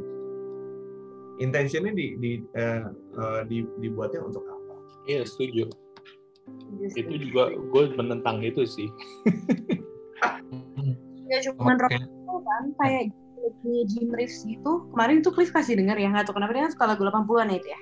Wah Jim Reeves jadi itu 60-an kayaknya 70-an dan maksudnya kayak lagu-lagu Jim Reeves nah kok kayak ini kayak lagu Pantai Costa yang kita suka denger? Berarti kan sebenarnya penciptaan lagu-lagu gereja pada zamannya ya terpengaruh sama musik-musik yang kita anggap duniawi juga dong pada saat itu ya nggak? Mungkin sekarang ya, Setuju, setuju, setuju. mungkin sekarang tapi kalau dulu lagu-lagu JJ Mrix nggak ada lagu-lagu bukan lagu bukan lagu rohani kok gitu. Tapi lagu rohani banyak banget yang persis mirip banget mirip banget kayak gitu. Ya. Eh, tahun 90-an tuh kan di Indonesia tren lagu cengeng ya. ya. Iya, iya, benar. Niada Niati, Dian Piscesa. Nah lagu gereja kan juga kayak gitu, banyak banget. Benar. Paul juga sama ada Tapi aku ingat satu yang apakah ini sebuah analogi yang mirip ya kayak semua semua genre sebenarnya itu kan bisa bisa dipakai untuk kemuliaan Tuhan kan. Tapi aku ingat yang kayak Yesus bilang soal duit. Dia bilang kan "E, gambar siapa di koin ini? Ya, gitu. Gambar kaisar. Jadi Tuhan bilang ya duit itu juga bisa dipakai untuk memuliakan kemuliaan Tuhan kan. Tapi dia bilang gambar siapa ini? Gambar kaisar. Berilah pada kaisar apa yang punya kaisar. Tapi berilah kepada Allah apa yang Allah punya. Hmm. Tuhan itu apa? Bukan cuma uang. Hidupmu itu Tuhan punya. Hmm. Iya. Ya bener, uang itu netral kan. Hmm. Mau dipakai buat apa? Hmm. Ngomong-ngomong mengenai lagu jadul, kan sering banget tuh denger ny- nyanyiin lagu yang dia lahir, apalagi mendekati Natal nih pasti akan dinyanyikan di mana. Rock and roll. ya. Oke. eh, Itu kan sama persis kayak When I was a little baby, baby, mama. Iya. Sama persis teh. Cottonfield. Cotton feel back, back home. Sama persis. ya Hmm. pengertian itu deh yang mesti kayak dikasih juga ya kayak jujur em, dari personal diri gue sendiri karena mungkin dulu gue penikmat lagu EDM dan gue mengkorelasikan itu dengan eh, hal-hal duniawi yang dulu sering gue lakukan lah gitu ya jadi gue memang nggak gitu nyaman gue nih ya gue personally gue nggak gitu nyaman dengan lagu EDM eh, di gereja karena begitu melodi itu bermain yang gue ingat somehow kayak diri gue udah mencocokkan itu atau menyambungkan itu dengan eh, Hmm. malam gitu karena Ini angkat gelas gitu ya. Gelas gitu noh. Shot shot shot gitu kan. Hargain gua, hargain gua. kayak round gitu kan. Ya anyway gitu lah. Pokoknya kayak udah dikonotasikan eh sorry dikorelasikan sama itu. Dan mungkin itu gue karena gue punya pengalaman ke sana sehingga gue merasa kayak gitu. Tapi dengan ada diskusi ini yang gue yakin mungkin orang-orang lain pemercaya-pemercaya lain juga harus maksudnya harus denger ya. Mudah-mudahan ada yang dari podcast ini kayak eh, jadi bisa lebih berasa netral gitu loh bahwa ketika denger lagu EDM gue punya pengertian baru yang oh EDM tuh nggak harus berhenti di sana loh korelasinya gitu. Nggak harus finish di korelasi sama dengan clubbing atau dunia malam gitu. Gue bisa kok mengkorelasikan lagu-lagu EDM baru yang saat ini mungkin gue dengar di gereja dengan pengalaman yang indah ketika memuji Tuhan gitu. Dan gue menyambut itu dengan baik ketika gue mendengar itu gitu. Tapi kalau nggak ada pengertian ini eh, pasti orang-orang akan selalu second guessing gitu loh. Even sebelum membuka dirinya atau membuka mulutnya untuk menyanyikan lagu yang dibawain di gereja sesuatu yang dia nggak suka gitu dia kan udah langsung menutup dirinya dan me- menjarakan dirinya di oh enggak ini duniawi gitu. Karena gak usah lagu yang kayak dia lahir untuk kami ya gak usah jauh-jauh deh kayak orang tua gue aja kalau denger lagu itu eh, kau jalan kebenaran dan jalan-jalan kehidupan kan kayak rock banget juga kan Roll. Gue mau nyanyi loh Beatles, eh bukan nih. Gua kalau ingetnya Beatles deh. gak enak itu mungkin ya dan maksudnya gue gak menyalahkan dia mungkin karena bagi dia saat itu by the way bokap gue tuh adalah orang yang tidak pernah ke bioskop nggak pernah kayak jalan-jalan kayak gitu tuh jadi dia tuh bener-bener hidupnya ya udah gereja aja. Jadi bagi dia itu ada segregasi banget antara gereja dengan mungkin pada zaman dia rock and roll itu. Jadi waktu dia mendengar musik rock and roll dibawa masuk ke gereja yang pada zaman dia itu itu syarat dengan banyak kegiatan-kegiatan yang nggak membangun gitu dia langsung gak mau nyanyi. Which is sama kan sama gua yang mengkonotasikan musik EDM dengan pergaulan-pergaulan yang masa lalu. Iya. Kayak dengan adanya pembicaraan ini dengan dibukakan pengertian baru bahwa menyembah dan memuji itu bukan cuma soal musik musik itu netral gitu. Itu membantu banget sih. Membantu banget untuk bikin papernya jadi kosong lagi jadi clean slate lagi gitu. Ketika mendengar musik musik itu intensinya sih kali ya yang menentukan kenapa lu mau bikin musik EDM gitu kan? Tujuannya apa gitu karena kalau nanti sampai kalau satu kita ada di gereja yang misalnya apa? Jemaatnya yang semuanya bukan bukan penikmat EDM terus demi Hmm. relevan dengan itu quote unquote lu bikin EDM kan kayak maksa kan? Sementara musisinya juga ternyata nggak suka cuma Hmm. ya kan? Tapi maksudnya penting juga berpikir bahwa mungkin aja kan nanti di ke depannya gereja-gereja evolve juga sampai nggak ada gereja dengan lagu lama lagi terus semua gereja pakai lagu EDM terus apa? Apa kita mau berhenti ke gereja? Ya kan? Tuh nggak kayak gitu juga loh. Berarti akan maksudnya- ada gereja yang beda karena nggak mungkin seragam. Iya, tapi maksudnya melihat bahwa misalnya ntar akhir zaman nih satu saat misalnya misalnya kayak gerejanya yang kita bisa pergi sekarang kayak misalnya kamu pergi ke satu negara dan gereja yang kamu nemu ya tipenya yang kayak gitu doang. Misalnya kayak di Vietnam ya, I, ca- I cannot really find any church yang mirip sama Pantai Costa gitu. Di Jepang juga kayak gitu. Di Jepang juga gerejanya rata-rata beda lah sama what I am raised in lah gitu, beda gitu. Tapi kalau misalnya mau kaku di sisi itu bisa jadi nggak gereja loh karena merasa kayak hmm, genre lagunya nggak enak dan itu merasa mengidentikan penyembahan itu dengan musik Iya. bahaya banget kan kayak gitu malah menjadi menjauhkan diri kita dari Tuhan padahal bagi Tuhan eh apa penting lo janji pakai hati lo gitu Gue ingat tuh ada cerita si John Calvin. Dia dulu dia bikin dia men, meng-hire dua orang musisi sekuler, ada cerita ya. Terus untuk menuangkan ide teologi dia ke dalam lagu gitu. Dia hire dua orang musisi sekuler. karena dia nggak bisa bikin lagu Dia nggak bisa bikin lagu, tapi dia John Calvin kan yang sampai jadi Calvinis itu kan. Hmm. Dia hire dua orang. Sampai katanya si Ratu Elizabeth nggak mau dengar lagu itu karena dia bilang itu lagu dunia. Tapi dia dua orang sekuler, penyanyi sekuler untuk menulis lagu itu. Tapi dari ide dia gitu. Hmm. Iya, makanya gue juga ya mungkin itu kan ekstrim ya. Gue tuh lumayan senang sama lagu-lagu Jonathan Butler ya. Sekarang dia kan pelayan Tuhan, dipakai Tuhan gitu ya, lewat musik. Dulunya kan dia penyanyi sekuler, tapi karena emang bahasa bahasanya dia dalam tanda kutip dalam musik itu seperti itu, akhirnya waktu dia melayani Tuhan akhirnya nyiptain lagunya juga dengan genre itu kayak gitu dan it's still ya anointed juga dan memberkati kalau menurut gue ya. Ya, makanya itu balik ke bahasa masing-masing orang sih kalau menurut gue ya masing-masing. Kalau ternyata ada yang biasa bikin lagu EDM misalnya biasanya dia bikin untuk intentionnya tadi kan berusaha bilang intention intentionnya untuk ya membangun juga sih membangun nafsu ya mungkin nafsu daging gitu ya. Tapi karena dia tahunya bahasa itu waktu dia diselamatkan terus dia mau mengekspresikan nih mungkin keluar bahasanya juga bahasa lagu EDM juga gitu. Musik. musik. Gitu. Karena kalau sebagai musisi ya gua gua bukan yang musisi gimana masih jauh lah gue nyebut diri gua musisi ya. Tapi kalau as musician biasanya ekspresinya tuh pasti lewat musik. Uh, segala sesuatu pasti mengalirnya tuh musik gitu kan.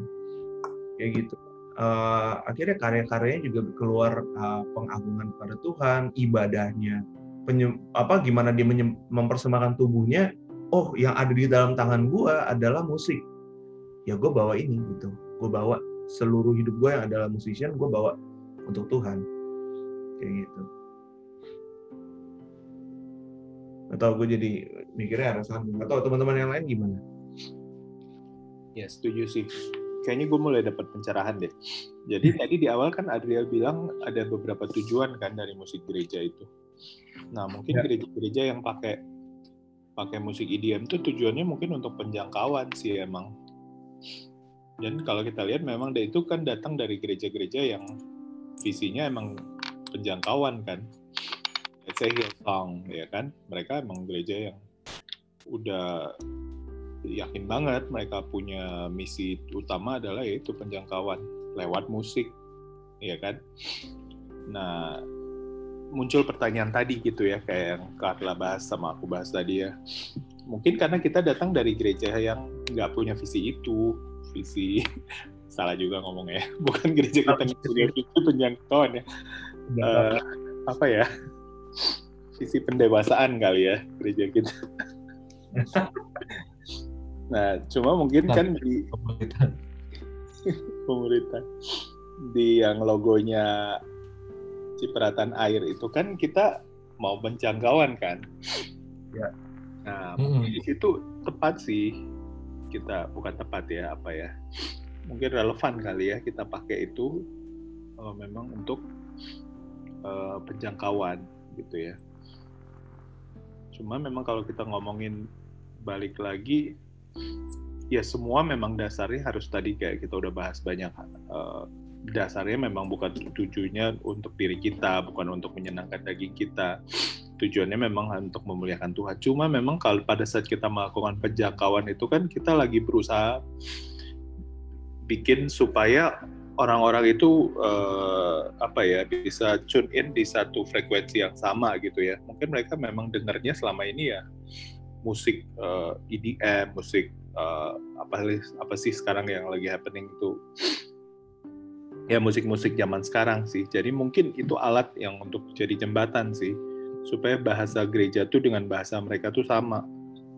Um, musik kan is a universal language ya. Jadi kita ngomongnya dengan bahasa yang sama bahasa musik yang sama. Itu mungkin tujuannya untuk penjangkauan sih.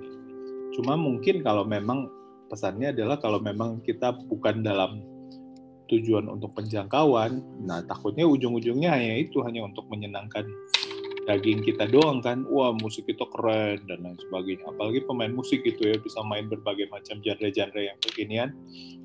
Kayaknya wah keren gitu ya kayaknya hebat seperti itu. Nah sekarang ada lagi genre namanya psychedelic. Kalian nah ada yang Wah, tahu saya. The Weeknd gitu-gitu ya nah psychedelic music itu kan memang benar-benar musik yang di di create untuk eh, orang-orang ada di alam Alam alam lain gitu ya. Eh, in higher ground, higher ground. higher ground gitu ya. Nah, itu, nah terus kita bilang, wah itu kita mau pakai itu buat menyembah Tuhan. ya kan, kebayang nggak gitu misalnya tahu-tahu nanti David sama God. generasi mereka penyembahnya pakai musik kayak gitu misalnya ya kan ya balik lagi kayak kita bahas sekarang ini kan Hmm. ya Nah, itu itu beda ininya nih, Sam. Kalau menurut gua kalau itu karena bukan sekedar intention, tapi itu kan buah dari pohon yang apa? itu buah dari pohon ya pohonnya ciptaan Tuhan juga, tapi dikonsumsi dengan ya gimana gitu ya? Ya buahnya jadi kayak begitu gitu. Beda gitu. Ngeri juga. iya Iya, iya, iya. Ya, gue sih memang percaya ya kalau kita, ya karena kita sebagai orang yang percaya gitu ya, gimana kita bikin orang lain apa namanya yang baru yang baru lah ya baru mengenal Tuhan memang journey-nya tuh agak beda gitu sama kita yang udah lebih dewasa di dalam Tuhan. Orang-orang yang baru baru mau mengenal Tuhan pasti layernya tiga gitu. Mereka dari apa yang kelihatan dulu dari tubuh dulu baru masuk ke jiwa baru masuk ke rohnya. Kalau kita yang udah dewasa kita harus beda kita harus berbuat sesuatu yang di dalam keluar. Jadi dari roh ke jiwa ke tubuh. Jadi itu harus ketemu tuh apa yang kita bawa tuh harus selalu dari dari pimpinan Roh Kudus dan firman Tuhan uh, ditranslate dari dalam roh, jiwa terus ke tubuh supaya orang yang baru kenal tuh bisa dapat journey itu dari luar, dari tubuh ke jiwa ke rohnya gitu loh. Menurut gua gitu ya, itu cara meng, uh, mengin, penginjilan itu akhirnya gitu kalau tujuan untuk menginjili ya. Kalau konteksnya musik ya akhirnya seperti itu. Apa yang kita bikin, apa yang kita create, apa yang kita ciptakan tuh harus ya kita harus pastiin dari dalam. Itu dari pimpinan Roh Kudus dan firman Tuhan. Yaitu ke transit keluar ke ke dimensi tubuh gitu. Dan dari tubuh itu ya akhirnya orang lain bisa bisa datang ke dalam rohnya mereka.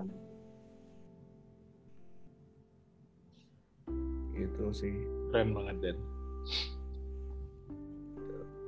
oke. Wah kita nggak nyangka ya. Orang mungkin yang denger bingung juga ini ngomongin musik gereja kok sampai sebegitunya?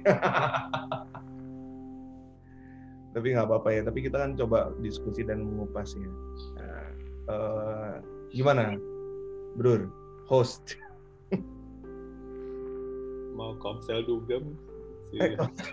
komsel dugem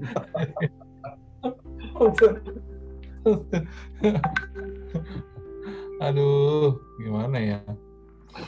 Masalah musik masalah musik gereja emang ya kita kan udah ketemu tadi titik tengahnya. Cuman yang nggak bisa dipungkiri nggak semua orang kan punya pemikiran yang terbuka kayak kita kan. Jadi ya, ya sebagai orang-orang creator musik nggak asik. Creator musik gereja um, ya kita be open minded aja dan uh, terbuka aja bahwa memang nggak semua orang bisa terima genre musik yang nanti yang kita di cipratan air itu keluarkan.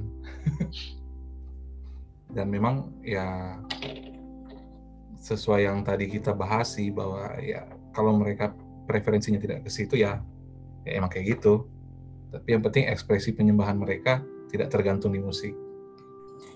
Kalau gue sih palingan itu sih. Sama ada undangan tadi tuh konsel. Konsel dugem. Aduh. Postingan beliau sebelumnya udah oh heboh banget ya. Wow. Gua yang nggak tahu lagi. itu siapa sih? gitu. Jadi ngebahas itu. Agak tahu lagi gue. Oke. Okay. Ini gimana guys? Pandemi pandemi ini Iya benar-benar ya kita jadi bisa ngomong kayak gini. Udah normal ya sekarang kayak, kayak kita udah merasa kayak di kondisi yang normal aja gitu. Ya. Cuma pakai masker. Oh pakai masker. Namanya next normal sekarang. Oh gitu next normal. Habis just, habis just nothing new. Dua ya, normal. Kita udah expected ya udahlah. Emang udah kayak gitu we don't expect things to turn good. Iya benar ya karena ya kita tahu lah nggak akan makin baik makin baik juga kan jadi ngapain juga kita expect akan semakin baik gitu kan tapi serunya ya tadi gue bilang gara-gara pandemi kayak gini kita bisa ngobrol kayak gini. Di mana kalau mungkin kalau nggak ada pandemi kita nggak pernah nih ngobrolin hal-hal seperti ini benar gak sih? Justru dari obrolan kayak gini akhirnya ya, iya, kita, di next normal ini kita benar-benar di dalam gereja pun dalam pelayanan kita go to the next normal gitu. We are creating the the next normal gitu. So, yang seturut firman Tuhan maksudnya normal itu ya ya normalnya firman Tuhan atau jalan itu hanya seperti ini kita just bring it to the church gitu gitu sih wah Oke, ini udah jam-jam penutup nih. Saya ini dah. Gimana Bapak Iel? Udah sih, harusnya udah conclude tadi diskusinya. Udah sangat-sangat variatif perspektifnya. Luar biasa loh teman-teman. Terima kasih eh, pencerahannya malam hari ini. Kita udah diskusi banyak jadi um, intinya bukan masalah lagunya, bukan masalah musiknya, tetapi intentionnya kita dan isi hatinya kita karena kan ya Tuhan melihat hati bukan apa yang kita ucapkan dari bibir mulut kita tetapi hati kita ada di Tuhan atau enggak itu kan sebenarnya intinya Hmm. oke I Itu- think Dari lagu Matt Redman tuh, Heart of Worship. Wow. gimana Conclusionnya dari lagu Matt Redman itu kan. Ketika oh musik iya Iya. heart of worship heart of worship pada intinya Music fade. juga gitu kan. Tanpa with or without music, Christ still reign in us. Iya benar.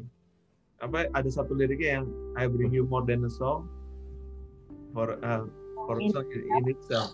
not what was required karena lagu itu sendiri tuh bukan sesuatu yang Tuhan wajibkan gitu Hmm. you much much deeper within Yes, why? Benar sih. Kemarin powerful sekali ya kalian berdua memimpin pujian. Iya, biasa. menyanyi doang Menyanyi bro, lu gak pemimpin. diberkati Saya loh, merasa, terpimpin, saya merasa terpimpin loh di rumah. terpimpin mantap, mantap. Mantul. Mantul, thank you semua. Very apa? Eye opening and heart opening. And mind opening, Mind opening. Mind blowing. mind blowing, mind blown. Nah, oke Oke, oke. kalau gitu kita tutup aja diskusi kita malam hari ini Yes. gue minta kesediaan Bapak Denny untuk menutup kita dalam doa Baik, ayo kita berdoa yuk teman-teman yuk. Haleluya Tuhan, haleluya. Haleluya, haleluya. Terima kasih Tuhan, terima kasih untuk waktu yang baik ini kami kembali dapat mendiskusikan apa yang eh, adalah pekerjaan tangan Tuhan, kehidupan kami, apa yang kami lakukan, Tuhan. Sungguh membuka Tuhan pikiran kami akan sesuatu yang baru, tapi saat ini kami tetap kembalikan semua ke dalam tangan Tuhan, karena kami eh, dasarnya adalah alatmu, oleh sebab itu apa pun yang kami perbincangkan, apa pun yang nanti teman-teman kami dengar dari podcast ini, Tuhan yang tolong memberikan pengertian pada kami semua, supaya kami dapat memahami apa itu ibadah yang sesungguhnya. Baik itu lewat musik, lewat ucapan kami, lewat persembahan tubuh kami, Tuhan. Biarlah kami dapat betul-betul mengerti apa itu penyembahan, apa itu ibadah yang sejati, Tuhan. Pada malam hari ini, terima kasih untuk waktu ini, Tuhan. Kami sudah berbicara tentang Engkau. Kiranya Tuhan yang menjagai kami juga di waktu-waktu yang akan datang, bagi teman-teman yang mendengar juga Tuhan yang menjagai ibadah kami, Tuhan, di setiap hari, di setiap minggu, ajar kami untuk dengan intention yang baik, intention yang tulus atas dasar kasih kepadamu, Tuhan. Supaya kami dapat berlayak, kami dapat membawa sesuatu yang menyenangkan hati Tuhan, yang manis engkau dengar, Tuhan. Terima kasih Tuhan, terima kasih. Kami mau tutup Tuhan perbincangan diskusi ka- kami pada malam hari ini dengan ucapan syukur, berterima kasih di dalam nama Tuhan Yesus Kristus kami berdoa. Haleluya. Amin. Amin. Amen. thank you guys thank, Thank you you, Denny thank you Cliff Carla. Sammy Daniel Kevin dan teman-teman yang lain semoga konten ini bisa memberkati semua pendengar live changing discussions oke see you in the next episode bye Bye-bye.